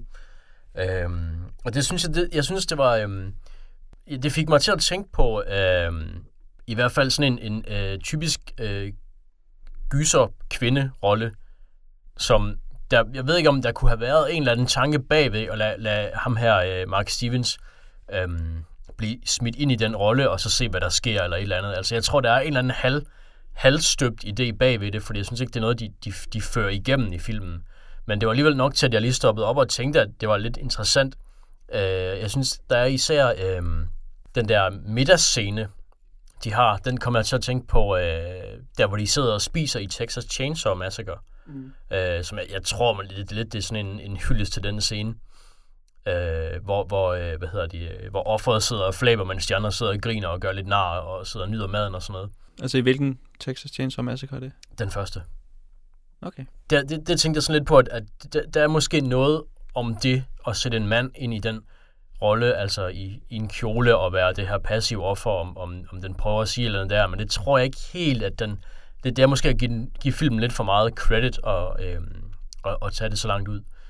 Øhm, noget andet, jeg synes, der var, der var øh, interessant i, i forbindelse med det her, det er, at, øh, hvad hedder det, øh, at Bartel anser øh, Mark for at være hans, hans tilbagevendende kone.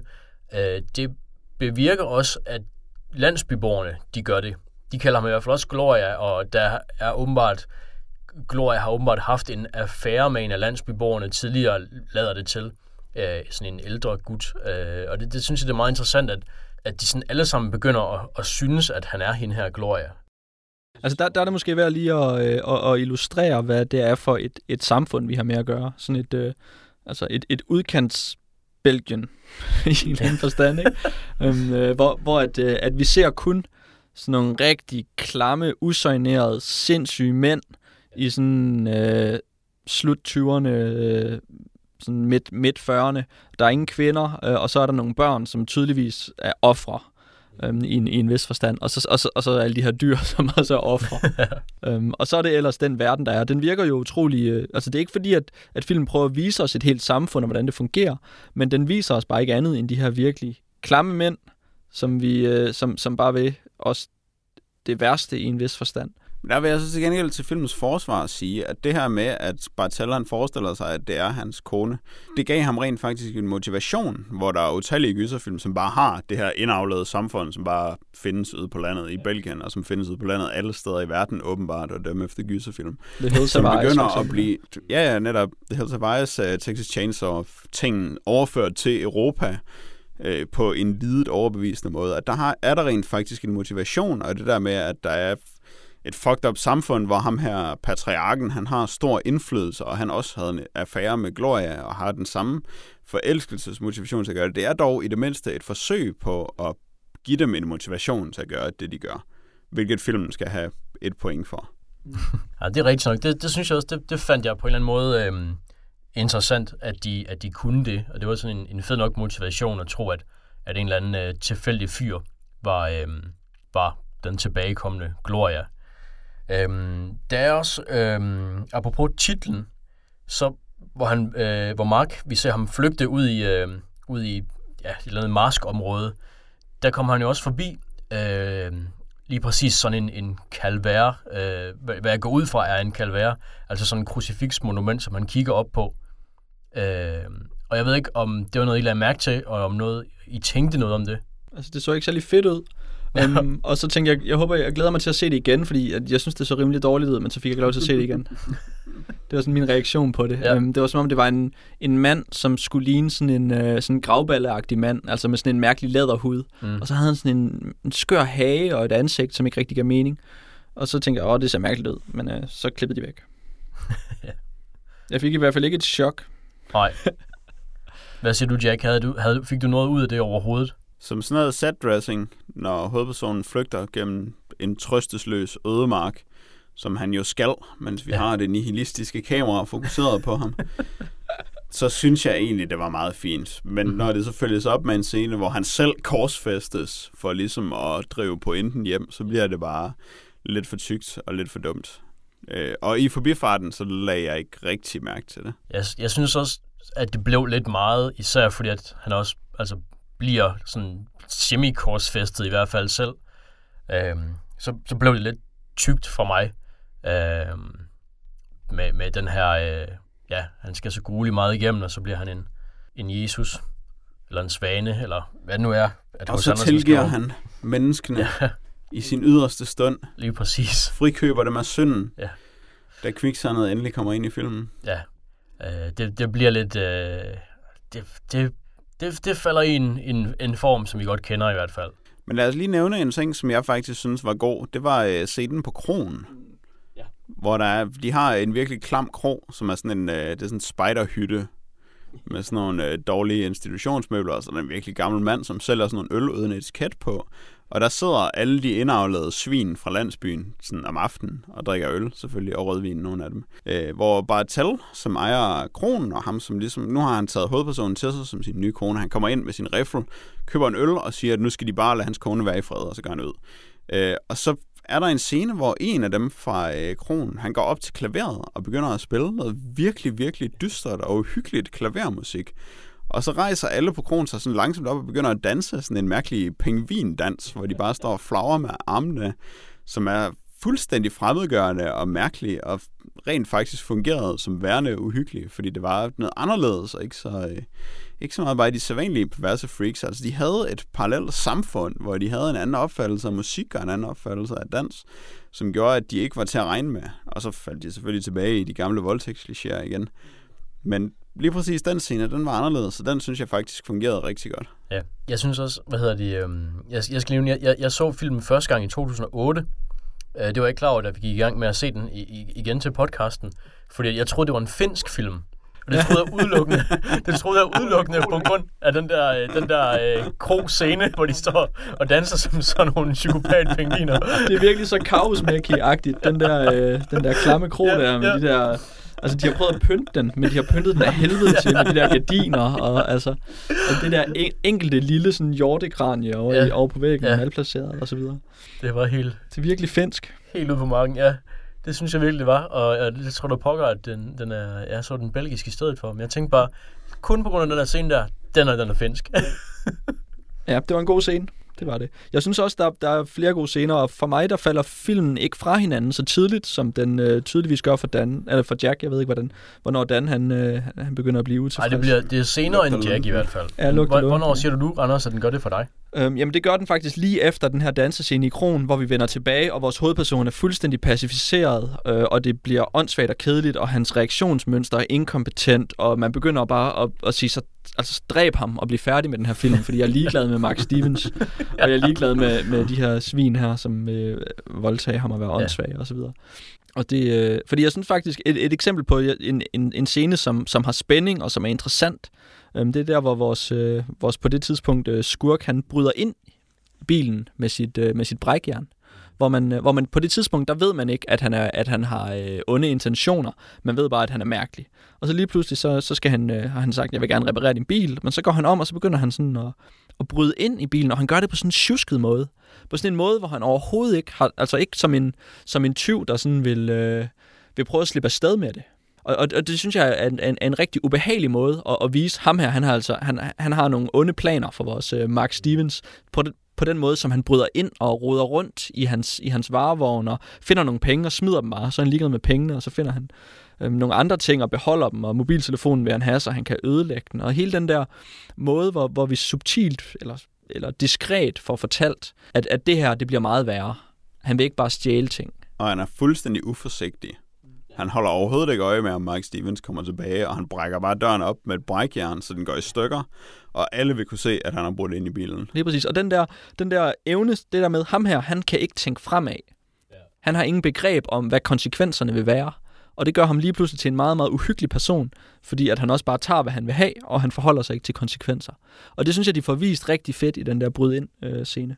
Og den, øh, den var fed. Men så, øh, så falder den fra hinanden, fordi vores hovedperson reagerer åndssvagt. Der, hvor han bliver fanget af den der snor på lægen, og så ligger han bare hele natten, fordi der er en snor om Ja. lægen på ham. Altså rejs dig op og tag den af. Men hans arme er jo bundet på ryggen. Jamen så få dem... så, kan, så kan man da ikke bevæge sig. Altså, Der er det ikke er, noget, man har en snor både om benet og armene. det, er en, det er en af de der steder, hvor, ja. hvor vi må være kritiske over for en horrorfilm, og det er fedt, at den, at den vil kopiere nogle klichéer og nogle, øh, nogle, nogle fantastiske øjeblikke i horrorfilmhistorien op igennem 50'erne, 60'erne og 70'erne, hvor vi kan have de der fuldstændig passive kvinder, så længe en vampyr har fat om håndledet på dig, er du forstenet, og du kan ikke bevæge dig og gøre noget. Ikke? Øhm, og den prøver de at, at gengive her med en hovedperson, som ikke kan bevæge sig lige så snart, at, at skurken har fat i ham. Og det samme til sidst, men når vi, når vi så har vores skurk, der bliver fanget i det der kviksand, han gør jo ingenting.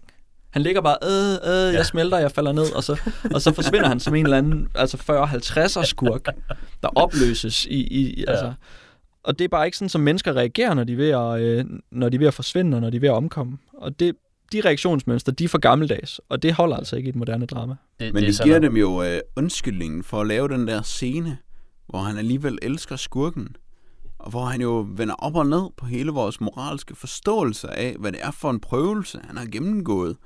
Prøv lige at tænke på, hvor meget dybde det giver personerne, at han bare alligevel tilgiver ham til sidst. Og det, og det er en skidegod ambition for en instruktør at ville iscenesætte det øjeblik, men han må finde den rigtige måde at gøre det på. Du kan ikke bare have en skurk, der bare langsomt synker ned i kviksand uden at reagere, indtil han er druknet. Det, det er meget, Altså- øh, det er, det er meget inkompetent, både fra skurken og instruktørens side. Det er det. Men det er også meget tydeligt for mig, synes jeg, at han laver... Han synes, han har det der horrorfilms twist, hvor offret bare tilgiver sin bødel til sidst. Og det er bare så amazing, og hvad skal vi tænke over det? Og det vender jo op og ned på hele vores metafysik.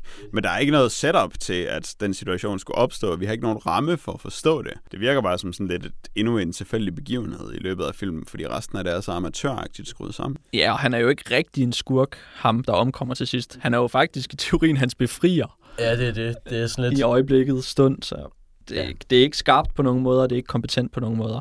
Og det er ikke provokerende nok øh, til, til at retfærdiggøre sig selv, Ja, sige. jamen, det, det, det, det, er, det er jo, altså, det er jo den idé, han får, mens han står og børster tænder om morgenen, ikke, instruktøren. Men lidt, hvad med hvis i, i stedet for, at han bare smadrer ham, så synes han bare, det er okay. Ja, jamen, og, og, Altså, det er virkelig, ja. og, det, og det, som Jack siger i starten, altså ideen om, at, at, at ældre mennesker har en seksualitet, at det i sig selv skal være provokerende, eller at nogen har sex med dyr, at det i sig selv skal være så fremmedgørende, at vi må have med nogle mon- monstruøse skæbner at gøre. Altså, det, det er ikke godt nok. Jamen, nej, det er det. det. Det er det faktisk ikke. Altså, det er, øh, det er en overfladisk, et overfladisk twist, om man vil. Godt. Øh, jeg synes, vi skal komme videre, fordi øh, vi, må, ja. Vi må forsøge at holde vores tid. Um, og det betyder jo, at vi nu skal tale om vores øh, andet kviksands emne, nemlig Super Mario Galaxy. Um, og Super Mario Galaxy er jo en af mange øh, Super Mario, eller Mario-spil. Jeg sad faktisk og fandt en, en liste over alle øh, udgivelser, hvor Mario optræder. Og der var 256 titler på den liste, øh, inklusiv alle de forskellige konsoller. Jeg tror, der var 15 forskellige versioner af den første Donkey Kong øh, til forskellige konsoller, så på den måde så er det lidt en snydeliste. Øh, Men, men gør der, det ham ikke til den mest optrædende spilhelt? det håber jeg. ja. Good point. Det håber jeg. Uh, Wikilister, de skriver ikke andet end, end bare indholdet af listen. De konkluderer desværre ikke noget. Øh, vi så ham selvfølgelig første gang uh, i skikkelsen af Jumpman, som var en tømmer i Donkey Kong, som skal hoppe op og befri uh, en prinsesse. Um, og så senere så får han sit eget spil, eller hvad man kan sige, uh, hvor han bliver Mario uh, Blikkenslæren. Um, og så, så kører det ellers derfra. Og jeg tænker, inden vi går i gang med, med Mario Galaxy, hvad er jeres, øh, jeres Mario-historie, jeres øh, Mario-præferencer? Har I et favorit Mario-spil? Øh, og det skal være inden I har spillet Galaxy, at, at I svarer på det. Hvad siger du, Dan? Um, Eller jeg er, havde du, jo... er du overhovedet Mario-entusiast? Jo, altså, det synes jeg godt, man kan sige. Jeg havde jo en Nintendo 8-bit i sin tid. Uh, og med den, så medfulgte uh, Super Mario Brothers. Og, uh, og Nintendo-spil, de kostede jo af helvede til i sin tid. Det gør de sikkert også i dag. Uh, så det, der gik rigtig lang tid, før jeg fik et, uh, et nyt spil. Uh, så jeg har brugt uh, ret mange timer i selskab med den første Super Mario. Uh, efter det, så, um, så var det jo nok Super Mario Brothers 2, der var det andet spil, jeg fik. Så um, jeg, jeg havde de, de tre første, eller de tre uh, Super Mario Brothers uh, spil til Nintendo, og de blev spillet meget flittigt i hvert fald. Men når du siger toren, ja. mener du så det der Doki Doki Panic Remake, som blev solgt i Europa som toren, eller mener du Super Mario The Lost Levels, som var den rigtige tor, som var for svær til at udgive i Europa? Huh? Jeg havde den, man kunne købe i Europa.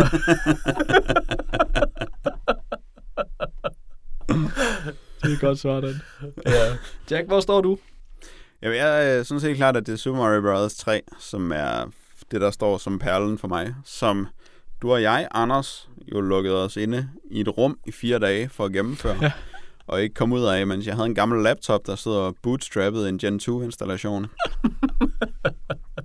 og det synes jeg, at det havde bare øh, hele formatet og den utroligt omfattende verden og alle, øh, alle de der perler, man kan opleve ved at øh, udforske i et Mario-spil. Og i det hele taget som bare, øh, hvad skal man sige, inkarnerer Nintendo-strategien med at lade en genopleve barndommen igennem et computerspil, med hvor magisk og utroligt alting er. Det synes jeg virkelig, at træeren, det var den, som havde for alvor det format for mig, hvor etteren var lidt for meget... Øh, muligvis fordi jeg ikke havde det til at spille, da jeg var ung nok til det, men så... Altså, det manglede bare lidt i format. Der var ikke nok i det, til at jeg kunne få den oplevelse, men den fik jeg som med træeren. Der er også, vil jeg lige indskyde, der er jo også en, en verden til forskel af, af artworket fra, fra det første og så til træeren. Jeg var også helt blæst over, over træeren, hvor, hvor flot det var i sin tid. Det, øh, og så er øh, Mario-franchisen øh, jo udvidet i, i forskellige retninger. Der kom en Nintendo DS, og dertil en, en del gode spil. Jeg husker Mario Luigi, Luigi Partners in Time, øh, som en, et rimelig øh, god innovation øh, på Mario-fronten, og jeg har faktisk spillet rimelig meget Mario Golf. Og jeg sad og tænkte over til, hvilken konsol det var, da jeg spillede Mario Golf. Det kan jeg knap nok huske, om det var Gamecube eller et eller andet. Um, Jeg vil da gerne personligt fremhæve Luigi's Mansion 2 til Nintendo 3DS som et virkelig fremragende nyere spil i Mario-franchisen, der virkelig også gav den der oplevelsens glæde ved bare at gå rundt og udforske og se, hvad der skete. Så der er meget godt Mario derude. Uh, Smash Brothers kan man selvfølgelig også spille Mario i, det er også et godt spil. Um, og så er der den her Mario Galaxy, som uh, jeg har faktisk ikke lige årstallet for den her, men den udkom vel for en 5-6 år siden. Ja, det er ikke 2007, vi taler. Jo, det, det synes jeg, vi skal sige. Øhm, den øh, blev udviklet af Nintendo EAD Development, øh, som er Nintendos egen interne division i øh, Tokyo. Øhm, og det er dem, som udvikler Mario og Zelda-spil. Øhm, det vil sige de, øh, de store Nintendo-flagskibe. Så det er altså en, en stor intern produktion, øhm, som har til formål at være et godt spil, men også at, øh, at lave, være et, øh, kan sige, et salgsfremstød for Wii-konsollen. Altså et argument for, hvorfor fanden man skulle købe en Wii frem for en uh, Xbox eller en Playstation. Um, Ja. Og den er designet af Yoshiaki Koizumi, som øh, har lavet øh, en masse øh, Mario, faktisk helt tilbage fra 91, og øh, havde en stor rolle på Mario øh, 64, øh, som var den første 3D-version af, af Mario, øh, og derfor også en, øh, hvad kan man sige, en, en version, som, som var en god inspiration til at, at lave Super Mario Galaxy som også har et 3D-element. Det er et spil, som øh, starter i øh, under en festival, Centennial Star Festival, øh, i The Mushroom Kingdom, som vi kender, hvor Bowser selvfølgelig dukker op og vil kidnappe Princess Peach. Sådan er det jo altid. Øh, og hans plan er denne gang at, øh, at skyde det hele i smadder, øh, og så øh, have et kæmpe rumskib, som der kan samle slottet op, som hun befinder sig på, og så øh, transportere hende ud i det fjerne yderrum. Øh, Og så skal man så Mario forsøge at følge efter, øh, og dertil så finder man nogle, øh, nogen, der kan hjælpe en. Nogen, som har erfaring og viden omkring det ydre rum. Åh, de har nogle fjollede navne. Havde jeg ikke dem? Ja, det er. Det er Lumerne, og hende der... Øh, Mamma. hvad hedder hun det? det kalder lumærende hende i hvert fald. Ja, det gør det sgu nok. Mama. Ja, det siger vi. Øh, og, og de har så et observatorium, hvor at man... Øh, hvor man kan holde øje med galaksen øhm, og finde forskellige planeter, og så skal man ellers ud og samle star power, så man kan få nok øh, kraft til sit rumskib, så man kan flyve ydre, øh, længere ud i det ydre rum, øh, og så prøve at finde øh, Princess Peach. Og det øh, resulterer i, at man som Mario øh, hopper rundt på planeter i forskellige galakser. Faktisk hele 64 forskellige planeter. Nej, 42 forskellige galakser hedder det. Og så, øh, og så samler man det her, det her stjernekraft ind, og så, øh, og så flyver man videre. Øhm, og innovationen på, øh, på den her front, det er, at det er til Wii-konsollen, hvilket betyder, at man har den såkaldte Wiimote og Nunchuck, som er nogle controllers, øh, som man holder, der, øh, der ved, øh, hvor ens hænder er, kan man, kan man roligt sige. Øhm, og det betyder, at man på klassisk vis styrer Mario med nogle, øh, nogle såkaldte D-pads, altså nogle øh, op og ned og højre og venstre knapper, øh, men de holder så også øje med, hvor man peger og hvordan man bevæger sig, og det betyder, at man kan samle stjerner op med en, en cursor på, øh, på skærmen, og så kan man også ryste sin, øh, sine hænder, og så pludselig så laver Mario sit, sit spin-attack.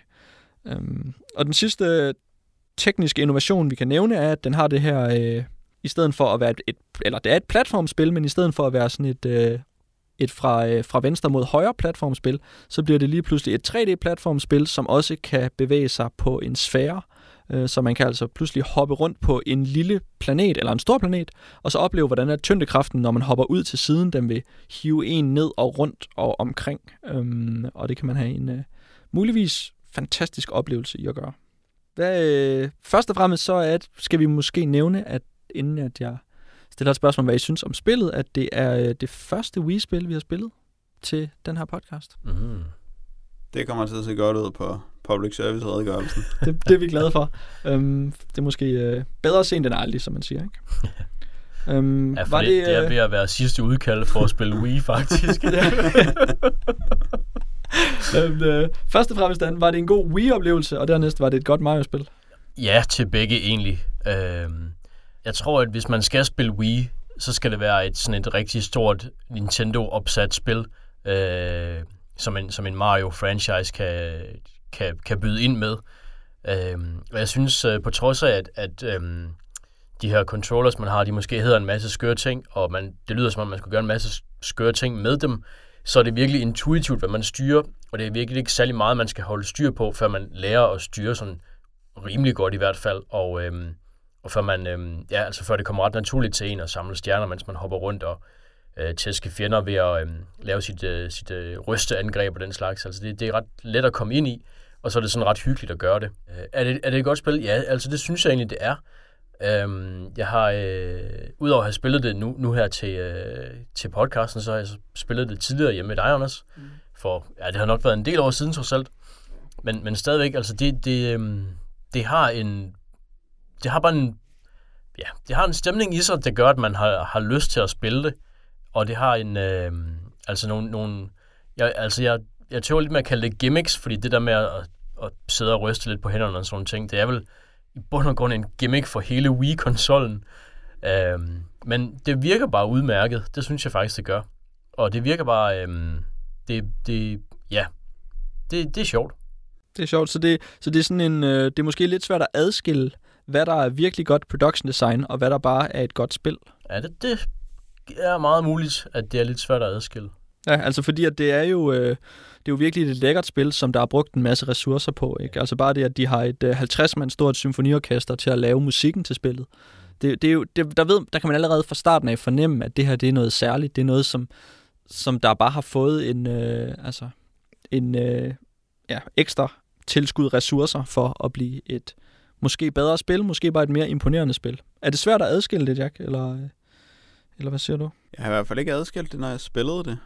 Jeg vil sige, at det her det var et spil, som jeg var virkelig fjendtligt indstillet over fra det. Lige, til, lige fra starten af. Og så charmerede det bare bukserne af mig, hver gang jeg prøvede på at gøre noget. Så begyndte med, så var jeg sur over, at det var i 3D, fordi oh, man kan ikke lave præcise hop, sådan, som man skal lave i jump and run spil, og man ved ikke, hvad der foregår i de her små skøre planeter. Det, uh, det er irriterende. Okay, det er alligevel rimelig sjovt at spille det her. Så løber man jo lige derhen, og så hopper man lige. Og, okay, så var det heller ikke svært at komme derop. Men så er det... Oh, så er det bare sådan hele tiden nogle nye regler, man skal vende sig til. Så nu er jeg pludselig en bi, der skal kunne gøre et eller andet. Og, og jeg har slet ikke vendet mig til at lave den ordentlige jump and run. Ja, men se mig, han er en lille bi, så nu kan jeg lige flyve herover. Og, Øh, åh, oh, okay, men det kan godt være, at de sådan kan lave enkelte gode baner, men altså, hvorfor, hvorfor skal jeg blive ved med at spille det her, når jeg først havde gennemført en bane? Og så kommer man tilbage til det her sted, hvor man kan vælge mellem baner, og så er det sådan, okay, men jeg kan også lige få en stjerne herover. Og oh, nu havde jeg lige unlocket en galakse her, og kan vide, hvad der egentlig sker i den. Og så bliver jeg nødt til lige at spille en bane mere.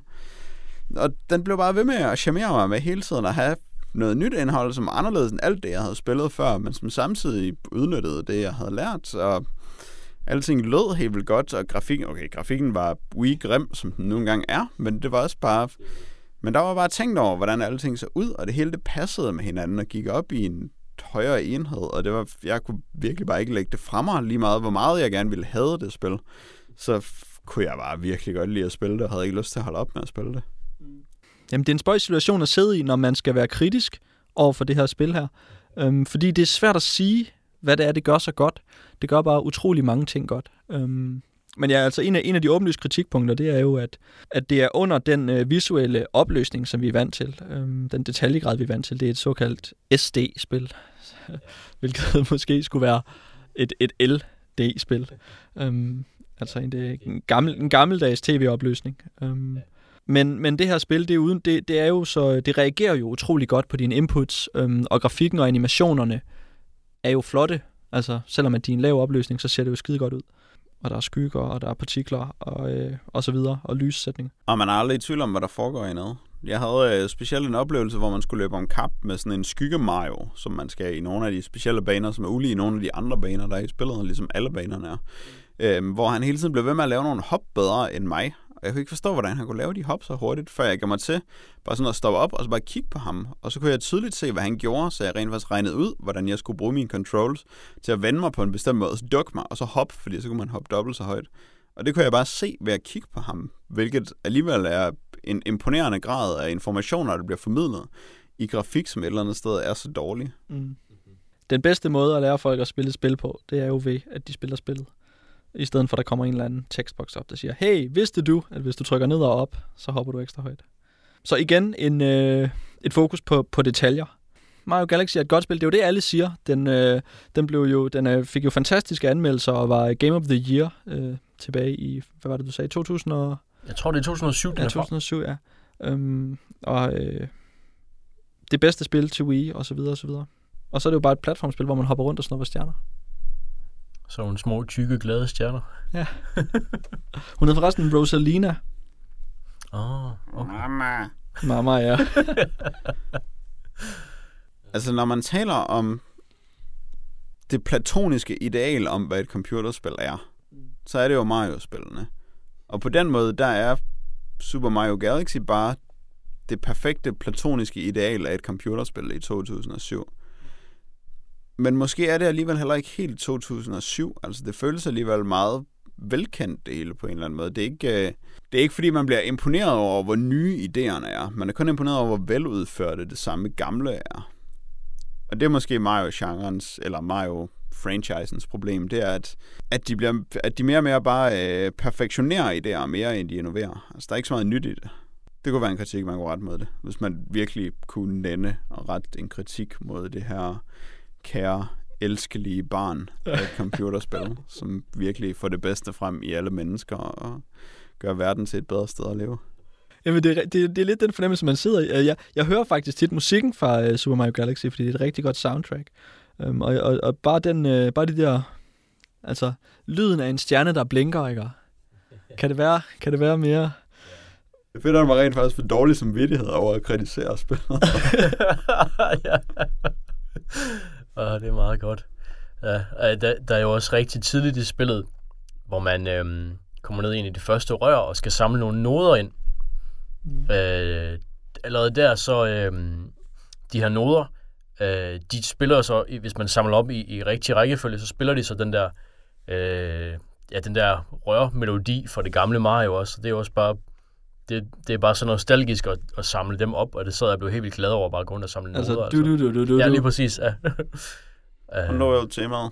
Ja. Er det Koji Kondo, der har lavet musikken til den her også? Øhm, som jeg husker historien, så startede han med at komme med nogle bud, og ideen var, at det skulle være noget latin-inspireret øh, sydamerikansk musik.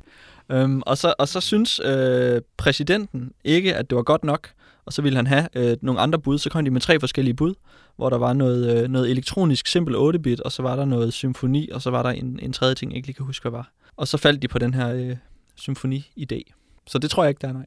Og så er det jo altså en af de ting, som, som man kan så... Okay, så vi konkluderer hermed, at det her det er et fantastisk spil, og det må være noget, øh, som, øh, som, som vi alle sammen kan lære af. Det, man kan sige omkring det, det er jo så, at det er, det er meget sigende, at det er dem, som udvikler en spilkonsol, og som kan ligesom gennemskue den, den teknologiske platform, som de laver spillet til, der er i stand til at lave det bedste spil. Er det, er det så ikke et tegn på, øhm, hvis vi så tager en eller anden, en eller anden retorisk position, øhm, at, øh, at man ikke er god nok til at fortælle spiludviklere, hvordan de skal lave et spil til en Wii, hvis det kun af Nintendo selv, der kan finde ud af det. Og hvad skal vi gøre ved det der?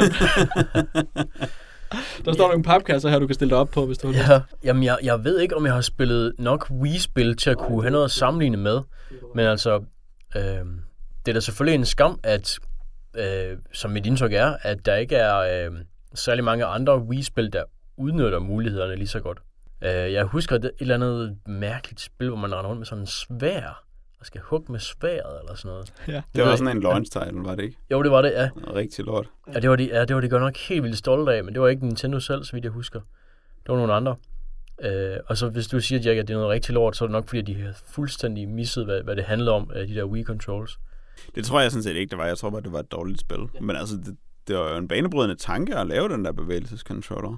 Alle de andre konsoller fik det jo også haltende bagefter. Så den idé kan vi i hvert fald ikke kritisere dem for. Øh, om de har forklaret folk, hvordan man skulle lave spil til deres konsol. Altså Nintendo har jo ikke nogensinde, ikke siden næsten Super Nintendo måske, været gode til at sælge deres konsoller til andre udviklere. Men det synes jeg ikke, det var heller ikke rigtig deres ansvar. Deres ansvar er at lave en platform, og så må folk jo øh, sørge for at udnytte den, hvis de vil være på den. Og vi skal ikke glemme, at det spil, der er flest bannerord i, det er stadigvæk et Wii-spil. Resident Evil Overkill. Det er godt. Så de er ikke kun til børn. Nej. der er også Resident Evil Overkill. Sådan. Men det synes jeg ikke er en kritik at ret imod dem. For det første synes jeg, det er en utrolig kedelig diskussion, og for det andet, så synes jeg måske ikke, det er deres ansvar, hvis nogen virkelig vil tvinge mig til at have en holdning til det. Nej, jeg, jeg synes som sådan heller ikke, det er, det er deres ansvar, men, men det er da i hvert fald i deres bedste interesse, at folk kan lave spil til den. Øh, nu går vi så over til noget Wii U, men det er mit indtryk, at det er en hammerende fiasko indtil videre. Fordi at, at interfacet måske er øh, ret specielt. Ja, der er mange, der er mange spørgsmål at, at rette, når man har en konsol, der, der ikke fungerer. Øhm, altså, forstår folk egentlig, hvad det er, de har lavet, og hvad det er, man køber? Nej, ikke rigtigt. Øh, så bliver det svært at sælge det. Men altså, Gamecube var også en hammerende fiasko. Hvor vigtigt er det egentlig i længden? Altså, de er stadigvæk Nintendo. De har gjort, hvad der passede dem siden 1890, så de kan bare komme an. Ja, det er jo det. Det er jo det. Men ved I hvad? Så synes jeg, at, øh, at, at det, øh, det er det, vi har at sige om Super Mario Galaxy. Det er altså virkelig et charmerende spil. Det er det. helt Det er det bestemt. Det er bare, øh, ja, det er sådan, det skal være. Design. Godt. Jamen, øh, Jack, vil du så ikke lede os ind? Og, og der er en øh, quick-sandsbane. Eller vent, en ørkenbane Så, så fik vi det på plads. med noget kviksand. Sådan. Så synes jeg, vi skal se på, øh, på det sidste emne, øh, som vi skal tale om i dag. Øh, og det er Thunderbolts, Jack. Justice like quicksand. det er det så selvfølgelig ikke. Thunderbolts er en øh, superhelte tegneserie. Eller i første omgang var det en gruppe, som fik deres debut i The Incredible Hulk nummer 449, som er udgivet i januar 1997, og som kort derefter blev fulgt op af deres egen serie, som hed Thunderbolts. Øh, gruppen er opfundet af Kurt Busiek og Mark Bagley, og det er også dem, der har skrevet serien øh, og tegnet den i de første 50 numre. Hvis vi lige hurtigt skal tage deres øh, renommé, så er Kurt Busiek jo berømt for at have lavet Marvels i 1994, som var det her alternative take på superhelte, hvor der var en fotograf, som skildrede Marvel-universets superhelte gennem sit øh, kamera og sådan lidt så på, hvordan almindelige mennesker oplevede det, og det var en ny og forfriskende vinkel, som ikke var så hamrende pessimistisk, som hele 80'erne havde været. Eller hele 80'erne siden 86 selvfølgelig. Som var 86, det var der, at 80'erne begyndte for tegneserier. Bagefter så lavede han Astro City, som er en lang og endnu fortsat serie om cirka det samme, som Marvels handlede om. Øhm, og så lavede han så Thunderbolts i 1997, som noget af alt det andet fuldstændig ligegyldige work for hire, han lavede for stort set alle forlag. Som den tykke, kedelige mand, han er. Øh, det er tegnet af Mark Bagley, som øh, faktisk fik sit job som tegner. Øh, han begyndte at tegne for Marvel i 1983, hvor Jim Shooter, den øh, berømte og berygtede redaktør hos Marvel, fik den idé at lave en tegneserie, som kun var halvt færdig. Og så kunne folk udfylde resten af den, og så kunne de sende ind, og så den bedste af dem, der blev sendt ind, ville så få et job som tegner for Marvel. Øh, på det tidspunkt, der havde Mark Bagley et kedeligt sekretærjob i, øh, var det Halliburton, tror jeg det var. Øh, Og øh, han var egentlig ikke interesseret i at deltage i den her konkurrence, fordi han havde prøvet at bryde igennem som tegner, og det var for hårdt arbejde, og han havde så ondt af sig selv. Og det kostede 15 dollars at købe den her tegneserie, som han skulle lave færdig. Det, det gad han ikke rigtig spendere på det. Der var en af hans venner, der købte den til ham. Så udfylder han den ind, og han vandt foran flere tusind andre indsendte. Og derfor skal vi plage sig Mark Bagley nu om dagen. Han øh, kom så til at lave, efter at have lavet forskellige tilfældigheder i løbet af 83, så lavede han øh, New Warriors i 1990, øh, og så kom han på Amazing Spider-Man i 1992, hvor han sådan for alvor slog igennem og blev virkelig øh, en, et af klasse-eksemplerne på Erik Larsen knockoffs i 90'ernes superhelte tegneserier med sit arbejde på Amazing Spider-Man, eller så enormt op til ham. Hvor er det en ren streg i det der, og hvor er det bare øh, en fuldstændig fjollet 90'er anatomi, og det er vi helt vilde med. Og derfor fik han selvfølgelig også jobbet på Thunderbolts i 1997. uh, Thunderbolts handler om en... Uh, den finder sted kort efter en øh, større universbegivenhed fra 96, som hedder Onslaught, hvor der var en mega superskurk, der øh, dræbte alle superheltene i Marvel-universet. Han dræbte dem bare, alle de vigtige i hvert fald. Øh, han dræbte dem ikke, men de blev sendt til et andet univers. Så et, i en kort periode, fra 96 til 97, troede vi, at verden stod uden Avengers og X-Men og Fantastic, Fantastic Four og alt muligt, og det var sørgelige tider. Men så kommer Thunderbolts pludselig. Helte ingen nogensinde har hørt om før. Øh, de kommer ind på banen og redder verden, og øh, vil virkelig gerne hjælpe til, og er super flinke, og alle er vilde med dem. Og i slutningen af første nummer får vi videre, at de i virkeligheden er skurke. Dun, dun, dun. Og det hele er bare en plan for narfolk til at stole på dem, så de kan få fat i Avengers hemmelige koder. Hvor bliver det fedt, når vi får fat i dem. øhm, de er en gruppe, som består af Atlas, som øh, kan blive helt vildt stor. Mega god superkraft. Øh, han hed Goliath og eller Powerman, dengang han var med i Masters of Evil, som gruppen i virkeligheden hedder. Hvis I var i tvivl om, at de var superskurke. Øh, så er der Mag One, øh, som er Abner Ronald Jenkins.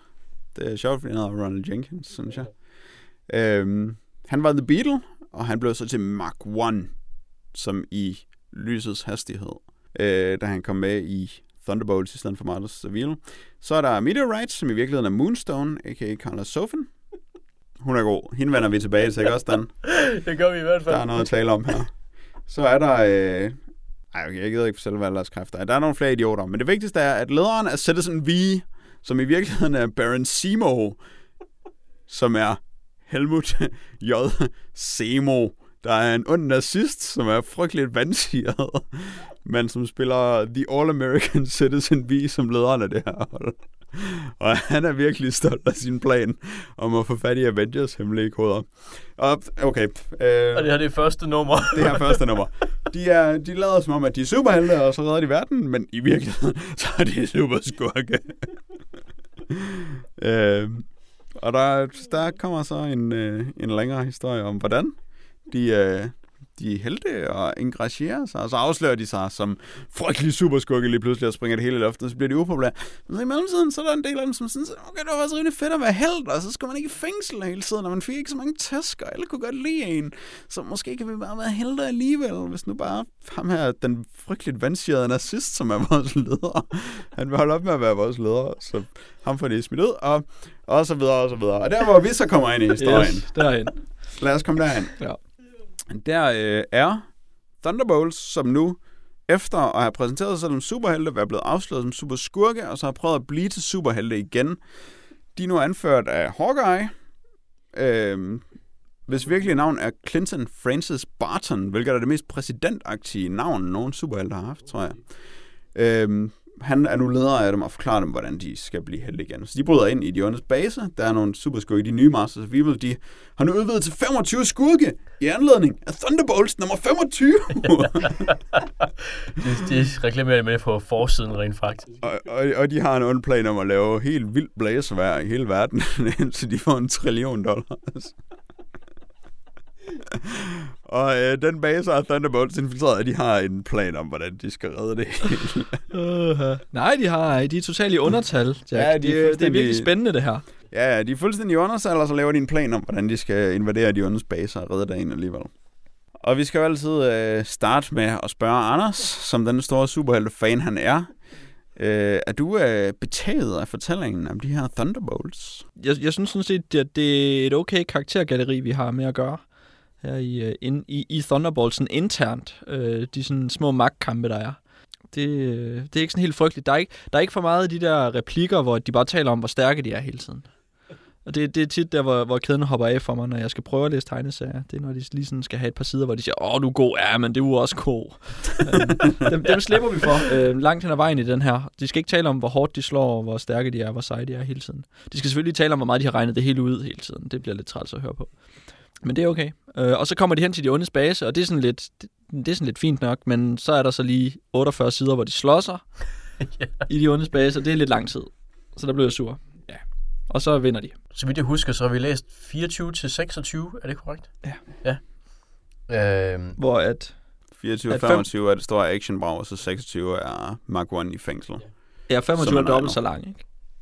ja, 25 er det store jubilæumsnummer. Ja. jeg, jeg vil bare lige påpege, eller jeg vil lige spørge dig, Anders, om du, om du følte en forskel på 24 til 25 og så nummer 26? Ja, ja, det gør jeg da. Ja. Helt klart. Men det virker, altså det er jo også forskellige historier. Ja. Er- Fisker du efter noget af den? Jamen, det var, øh, det var, det var egentlig bare, fordi jeg selv følte, der var sådan en markant omskift til historie, til historien. Og så var det så, kunne jeg se, at det også var øh, altså skrevet og tegnet af nogle andre, øh, nummer 26. Ja, det er i hvert fald mig. Men har du ikke lyst til at fortælle, om du synes, at det var helt så frygteligt?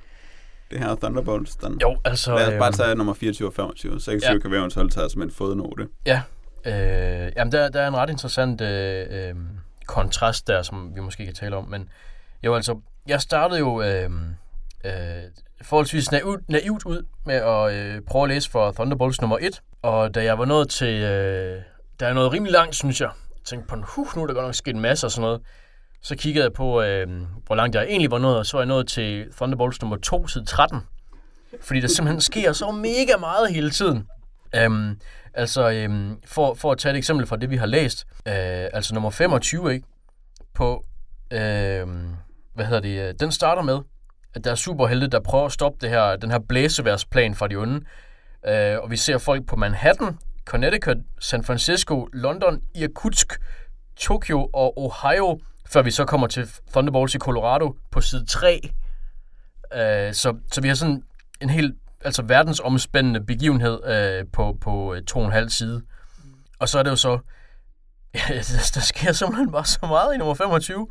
Altså så er det så øh, de her øh, de her 25 skurke, der øh, står af onde i deres hovedkvarter, og Hawkeye, der så konkluderer, at de er nødt til at infiltrere dem, og at Moonstone er den mindst pålidelige, så hun skal infiltrere dem. Øh, og så får man så også, mens Moonstone så tager fra hvor end, øh, hvad hedder det, hvor end Thunderbolts er, og så hen til de onde, så får man ligesom hendes baggrundshistorie. Den er god. Den er god. øhm. og, og så får man, skæbne, vi har med at gøre, hva'? Nå, Jamen, undskyld, altså, udover, udover hendes baggrundshistorie, så bliver hun så også fængslet af Masters of Evil, altså de nye Masters of Evil, og så bliver hun så befriet igen, samtidig med, at hun får en hemmelig nøgle, så hun kan befri sig fra sine håndlænker, når hun er på det rette tidspunkt, det rette sted. Og så, udover at hun infiltrerer dem, så Thunderbolts de infiltrerer dem også, så de gokker en masse skurke og tager deres tøj på og står nede bag os, så der er ikke lægger mærke til dem. Og, øh, og øh, så slås de så med dem, og så er der noget, som jeg så synes i virkeligheden er fedt. Det er, når de så slås med den store bunke skurke, som måske er, er 19 eller sådan noget i alt. Øh, så øh, Hawkeye, han, han forklarer dem så, at de har en chance, fordi de andre, de er ikke, de er ikke et team, de er bare en pøbel, og de kan ikke øh, slå øh, ud efter heltene, uden at ramme hinanden og sådan nogle ting. Og så kanøfler de helt vildt mange af dem på den måde, fordi de andre, de er bare et team. Ja, Hey, uh, kan, nu, har I, nu har I begge to lige nævnt Moonstone. Kan vi lige nævne, at... Uh, altså Moonstones baggrundshistorie, som I lige kort skitserede, det er jo, at uh, Moonstone er psykolog. Det giver hende sådan nogle magiske kræfter, der gør, at hun kan manipulere alle, og ved, hvad alle tænker, og hun kan se på deres kropssprog, præcis hvad de er ude på, som alle psykologer kan. Det er virkelig den mest frygtelige personkarakteristik, jeg har læst. Og jeg har læst rimelig mange superhelte tegneserier, vil jeg sige. Det her, det er virkelig under lavmålet. Og jeg synes, det er fuldstændig frygteligt, hvordan Kurt Busiek, han bruger de her virkelig store, blodfyldte, pulserende tankebobler, hvor folk de virkelig bare føler ting, når de tænker dem. Og vi skal virkelig gøre os opmærksom på, at jeg tænker det her, hver gang de tænker noget. Det er simpelthen så billigt, og det er så dumt, og det er så kedeligt, hver gang nogen skal føle noget i Thunderbolts. Det er måske det mest kedelige, jeg nogensinde har oplevet i superhelte-tegneserier. Der er ikke engang nogen, som har sådan et virkelig stort, svulstigt, øh, super skurke øjeblik, hvor de bare står og udbasonerer deres planer, som Master of the World han gjorde i Alpha Flight, som vi også har læst i en tidligere episode, som måske var et eksempel på, hvor dumt superhelte kan være, men hvor det alligevel virkelig, altså det var med beskub på, hvorimod det her, hver gang der er en scene, så skal Moonstone lige stå og tænke, hmm, jeg har regnet ud, hvad alle tænker lige nu. Og hvis jeg så siger det her ord lige nu, så gør jeg det præcis, hvad jeg har tænkt mig, og så styrer jeg alle. og hver gang øh, Mac One han er i en scene, så skal han lige tænke, åh oh, gud, Songbird, hun var så skrøbelig, da hun gav sig til at lade, som om hun var skrøbelig, fordi nu skulle vi være Thunderbolts, i stedet for at være Masters of Evil, fordi da hun var Screaming Mimi, så er der ingen problemer, så havde hun styr på alting. Men så skulle vi lade som om vi var Thunderbolts, og så var hun pludselig vildt usikker og vildt følsom, og så, så kunne jeg lige put the moves on her, og så blev hun lige vild med mig, men så, så er det bare nu, hvor vi måske er skurke igen, så, så er hun bare så selvsikker, aggressiv, og jeg bliver angst ind i mit indre, og er der noget frygteligt galt med hende, og hvor står jeg som ynkelig tøffelhelt i den her situation? Sådan tænker alle bare hele tiden, og det er så jublende banalt, hver gang nogen skal lade, som om de har en motivation. Og alle skal lade, som om de har en motivation, men det hele er falsk, og der er ikke noget af det, der virker overbevisende eller rigtigt. Og det er så kedeligt, hver gang de skal tærske det igennem igen, fordi det er den samme motivation, de har i hvert nummer. Og det er lige kedeligt hver gang, og de skal tænke lige meget over det. Men øh, er, der, er der nogle, øh, nogle særlige øh, udfordringer? Det sad jeg lidt og tænkte over øh, i forbindelse med, med den her tegneserie. Når vi har nogen, som måske er skurke, altså så kan vi vel ikke bygge dem lige så meget op. Altså de er jo ikke lige så seje som X-Men og Avengers. De er jo Thunderbolts. Så, så er man lidt bange for ligesom at bygge dem for meget op. Skal de være sådan lidt, øh, lidt tvivlsomme hele tiden, og derfor så kan vi ikke give dem med den samme, øh, med den store, den, øh, den store klinge, når vi skal beskrive dem. Nej, faktisk ikke. Øh, Hawkeye, som begynder at lede dem, han startede også med at være en skurk. Øh, I en, jeg tror, en gammel Iron Man, en gammel, et gammelt nummer af Iron Man. Så der er sådan en ret lang tradition for, at øh, folk, der kan starte ud som skurke, de sagtens kan blive helte. Og så øh, er det sådan rimelig sekundært, at de engang har været skurke. Der, og det kan måske blive nævnt en, en gang sådan en, en passing på et eller andet tidspunkt, og så lige for at sorte dem lidt eller sådan noget. Men øh, hvad hedder det? Jeg synes ikke, at, eller mit indtryk er ikke, at der er brug for, at de ikke... Øh, der var det, jeg vil sige. Mit indtryk er ikke, at de ikke på, på en eller anden øh, kosmisk måde ikke kan blive lige så seje som andre helte. Nej, men, men jeg tænker på øh, en af de ting, jeg, jeg, jeg, tit har, øh, jeg tit har oplevet, når jeg har hørt folk beskrive, hvordan det var at skulle skrive en Batman-tegneserie, eller skulle skrive en øh, Wolverine-tegneserie, eller en Spider-Man-tegneserie. Det er, åh oh, gud, nu skal jeg skrive den her, den her, den her karakter, som har så meget arv, og, og der er så meget fokus på, og der er så mange folk, der vil være kritiske over for mig, så nu skal jeg leve op til alle forventningerne. Og nu må jeg bestemt ikke øh, virke som om, at jeg ikke kan lide ham lige så godt som alle, alle jer andre. Og det resulterer vel ofte i, at folk bare altså overdriver helt vildt meget i deres, øh, i deres glansforestilling af, hvad, hvad Spider-Man er, eller hvad Batman er, eller hvad Superman er. Øh, og der har man måske lidt friere rammer her, og, og, og føler sig ikke lige så tvunget til hele tiden at, at prise dem, øh, og, og demonstrere, hvor, hvor magtfulde de er. Ja, det, det tror jeg, at der er noget om, øh, det du siger der. At der, har, der har du lov til... Øh... Og, du har lov til at slippe for det, og så kan de bare være sådan lidt mere normale. Altså der har du lov til at behandle dem som, som mere normal og som mere, altså i og med at de her, de er sådan nogle rigtige third stringers, de fleste af dem, hvis de overhovedet eksisterede, før de kom med i Thunderbolts, mm. så har man lidt lov til at øh, også gøre lidt nar af dem, og jeg ved i hvert fald senere i Thunderbolts, det er en serie, der kører den dag i dag, øh, på nogle helt andre præmisser, øh, men senere så hende her øh, Songbird, der startede med at være en skurk, der hed Screaming Mimi, hun får i hvert fald tit sit, sit gamle skurkenavn smidt tilbage i hovedet, fordi det simpelthen er så super åndssvagt. Mm. Øhm, og det er jo, øhm, og det, det, det har hun også kun fortjent. Men jeg vil sige, yes, ja, altså det er jo netop en god idé, den her Thunderbolt-serie. Er det jo. Altså det er et godt setup at gå i detaljer med, hvordan en bande skurke kunne ende med at blive helte. Og der er klart en, en rationel psykologisk proces, som man kunne skildre. Der er en indsigt i menneskers motivationer og moral, som man kunne skildre i det her, som Kurt Busiek bare fuldstændig svigter, og gør det så jublende banalt og idiotisk, alt det der foregår. Han er netop fri af, af af, af sådan historien bag de her folk. Hele historien handler om, at nu skal de ikke længere være, ligesom de plejede at være, så han behøver ikke leve op til det. Han går fortælle en rigtig god historie om det her. Og nummer 26, øh, som er skrevet af Joe Casey. Joe Casey, er et godt eksempel på, hvordan man kan lave en psykologisk skildring af en skurk, som befinder sig i en anden situation, og sådan, altså arbejde med psykologien i de her personer, uden at gøre det så fuldstændig idiotisk, som Kurt Busiek gør i hvert eneste nummer, han skriver af Thunderbolts. ja, men det er det jo også. Der er, øhm, man taler om, om i amerikanske tegneserier noget, der hedder decompressed storytelling, hvor øhm, det er sådan noget, der er kommet, øhm, kommet til efter år 2000, hvor historien det er har... at tale om det, i stedet for om compressed storytelling, Ja, synes ja. jeg. Det virker Øh, bare vandt. Ja, øhm, hvor, hvor man har altså et langsommere tempo og måske færre ord, og billederne ligesom formidler mere historien, og, øhm, og, og der ikke kun er action scener og folk, der poserer, mens de har langt farvestrålende undertøj på. Og det har fået masser af, af, af kritik nogle gange, fordi så øh, de trækker bare tiden ud, og øh, der sker ikke nok og sådan nogle ting. Men, men hvis man så kigger på det, der kom umiddelbart før, altså som Thunderbolts i 99, som vi har læst til i dag, ikke? Mm. Så, så kan jeg virkelig godt forstå, hvorfor folk har brug for noget, der er noget andet, fordi det der med bare at fylde en masse, altså vi har nummer 25, så vi fylder 25 skurke ind, det, det er simpelthen så hjernedødt, og som, som Jack han siger, de der motivationer, de har, de, de, altså, de er der, men de, altså, det er kun på sådan en checkliste, at ham her, han skal synes noget, så nu skriver jeg, at han synes det. Altså, der er ikke nogen, der er ikke nogen grund til, at der, han ellers ville synes det. Hende er psykolog. Hun har magiske evner, der gør, at hun kan manipulere alle, fordi hun er psykolog. Det er... Øhm, Men det var fedt, du nævnte det med øh, tegningerne, Dan, fordi Mark Bagley, han er jo virkelig en fuldstændig frygtelig tegner. Han er så ekstremt dårlig til sit arbejde, og det er meget tydeligt, ikke bare øh, i, hvordan det er skrevet fra øh, 25 til 26, men også i, hvordan det er tegnet, hvordan Joe Casey, han rent faktisk overlader noget af historiefortællingen til ham af Leonardo Marco, eller hvad det er, han hedder, som jeg aldrig har hørt om, hvor vi rent faktisk får fortalt historien og personerne gennem billederne, i modsætning til, når Mark Bagley tegner det, hvor vi ikke får noget som helst at vide andet, end hvor folk de står henne i en given situation. Han kan ikke øh, skildre et ansigtsudtryk, eller forhold mellem mennesker, eller en stemning, eller noget som helst.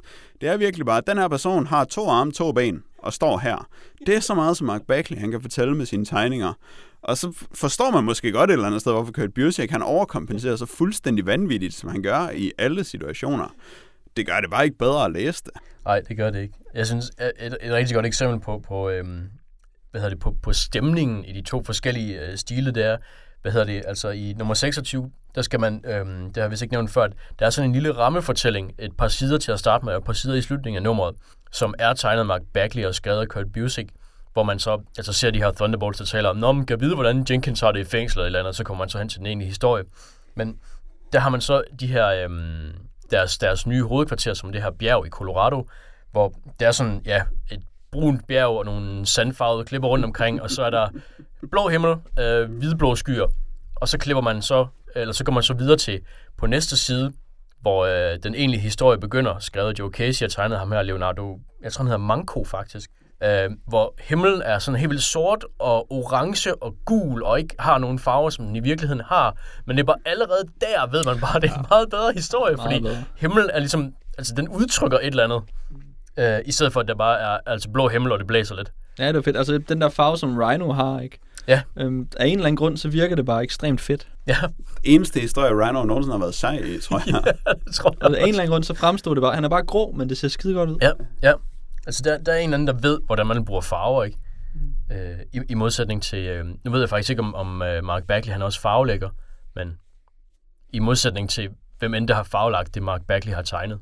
Der bliver fortalt så meget om mennesker i den historie, i forhold til alt, hvad der er blevet fortalt i de foregående 25 numre. Men faktisk nummer 25 er det sådan lidt det perfekte eksempel på, hvordan, de der, hvordan psykologien bliver skildret. Fordi der har vi jo nogle scener, blandt andet Quicksands eneste egentlige scene i den her sammenhæng, som er, at hun går sammen med en skurk, der hedder Bison, som er sådan en stor tyremand, og en eller anden, som jeg glemmer, hvem var. Øh, og så en sidste fyr i sådan en guldrustning. Og så skal, har de ligesom hver især en taleboble, hvor øh, Quicksand så siger, åh, det bliver fedt at have en masse penge. Og så siger Bison, åh, ja, penge er fedt, Quicksand. Men for mig, Bison, vil det være fedt at være respekteret.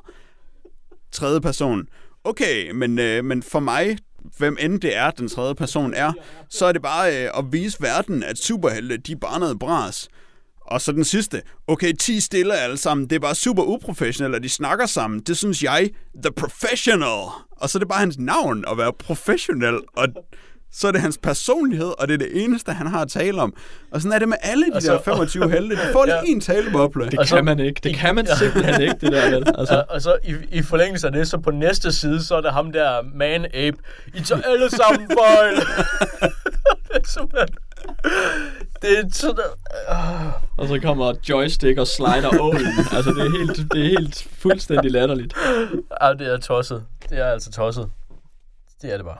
Og der er ikke gjort noget forsøg på at skjule det. Men, men, men, men der må måske også være noget fascination. fascination. dem tale. De skal bare tige stille alle sammen. Der, der må vel være noget fascination, der, der, øh, der ligesom rammer jer, når I hører, okay, der er 25 skurke i en tegneserie. Altså, er der, er der ikke sådan et eller andet, vi skal lige se freakshowet, vi skal lige se, hvor galt det går. Kun, kunne I finde på at samle den op, bare fordi 25 skurke, det skal jeg altså lige se, hvad fanden, altså, hvordan gør de det? Nej. Hvor dårligt bliver det? Nej. Ja, nej, jeg, jeg tror faktisk heller ikke, jeg kunne, fordi jeg, jeg tror, man har, øhm, at, at både Jack og jeg øh, gennem bitter erfaring har en virkelig god idé om, hvor dårligt det bliver. Vi var der i 90'erne, da de her ting skete. Aldrig igen. ja. Så Thunderbolts er noget, som man ikke skal starte med at læse fra, øh, fra issue 1. Øhm, og skal man så begynde at læse det på noget tidspunkt, eller er det aldrig nogensinde godt? Altså, den er lige blevet rebootet, og de har fået et nyt lineup, som jeg synes lyder ret fedt. Med Punisher, Elektra, Røde Hulk og nogle andre sjove gutter. Og et af coverne til den nye serie er sådan et sejt cover, hvor Elektra og Punisher står skændes om sådan et vejkort, og så er de tydeligvis kørt galt i deres jeep, og så sidder de andre sådan rundt omkring og hænger ud, mens mor og far skændes om, hvor de skal hen. Hvilket lyder som om, at de har sådan lidt mere selvevne i. Og der var også en periode, hvor Warren Ellis skrev Thunderbolts Øh, det har han også gjort, ja. som jeg har hørt ret pæne ting om. Ja. Men øh, jeg tror, konklusionen må være aldrig at læse Kurt Busiek. Jeg havde en plan om, at jeg skulle læse Astro City. Den plan er aflyst nu. Jeg skal aldrig læse noget, Kurt Busiek har skrevet igen. Men, men for at være fair, så vil jeg sige, der er forskel på work for hire, og så det, man laver for sig selv. Øhm, men jeg ved ikke, om, om jeg måske også bare lige springer over Kurt Busiek et stykke tid. altså, jeg synes virkelig, det her det er så lavt og så dumt et niveau, at Altså, så, så work for hire, det er, når man bliver, øh, når man bliver antastet af, et, øh, af, af, et, af en udgiver, og så får man at vide, nu skulle du lave det her, eller er det, fordi man er, altid er på kontrakt, og så får man bare smidt et eller andet efter sig, man skal lave? Jamen, det er jo fordi, man skriver noget, som nogle andre ejer. Ja. Altså, man skriver en historie til nogle andres personer, så man ejer ikke selv noget af det, som bliver lavet. Øh, jævnfør, at Alan Moore blev så sur over Watchmen, for eksempel. Det var, det var work for hire, så han havde ikke nogen rettigheder til noget af det. Og det er sådan alt det her Marvel og DC er. Og de ejer ikke selv tegningerne, fordi det er work for hire. De ejer ingenting. Det, Får det, er nemlig ingen det. penge for det. Ja, det er nemlig det. Så der skal man være en rimelig øh, stor kanon for at få nogle anstændige kontrakter op at stå for, øh, for, for de her big two, altså Marvel og DC. Og når man så har det, som eksempelvis Jeff Johns for DC Comics, så kan man så bare tage fat og ødelægge det hele. Altså, det er også blevet meget bedre, men altså Ja. i 90'erne, der var det virkelig stadigvæk Ja. noget lort at lave work for hire. Mindre noget lort, blandt andet takket være Neil, Neil Adams, som vidderlig har gjort virkelig meget for at forbedre de der rettigheder. Men, Det, det har jeg hørt. Det har jeg hørt en masse om.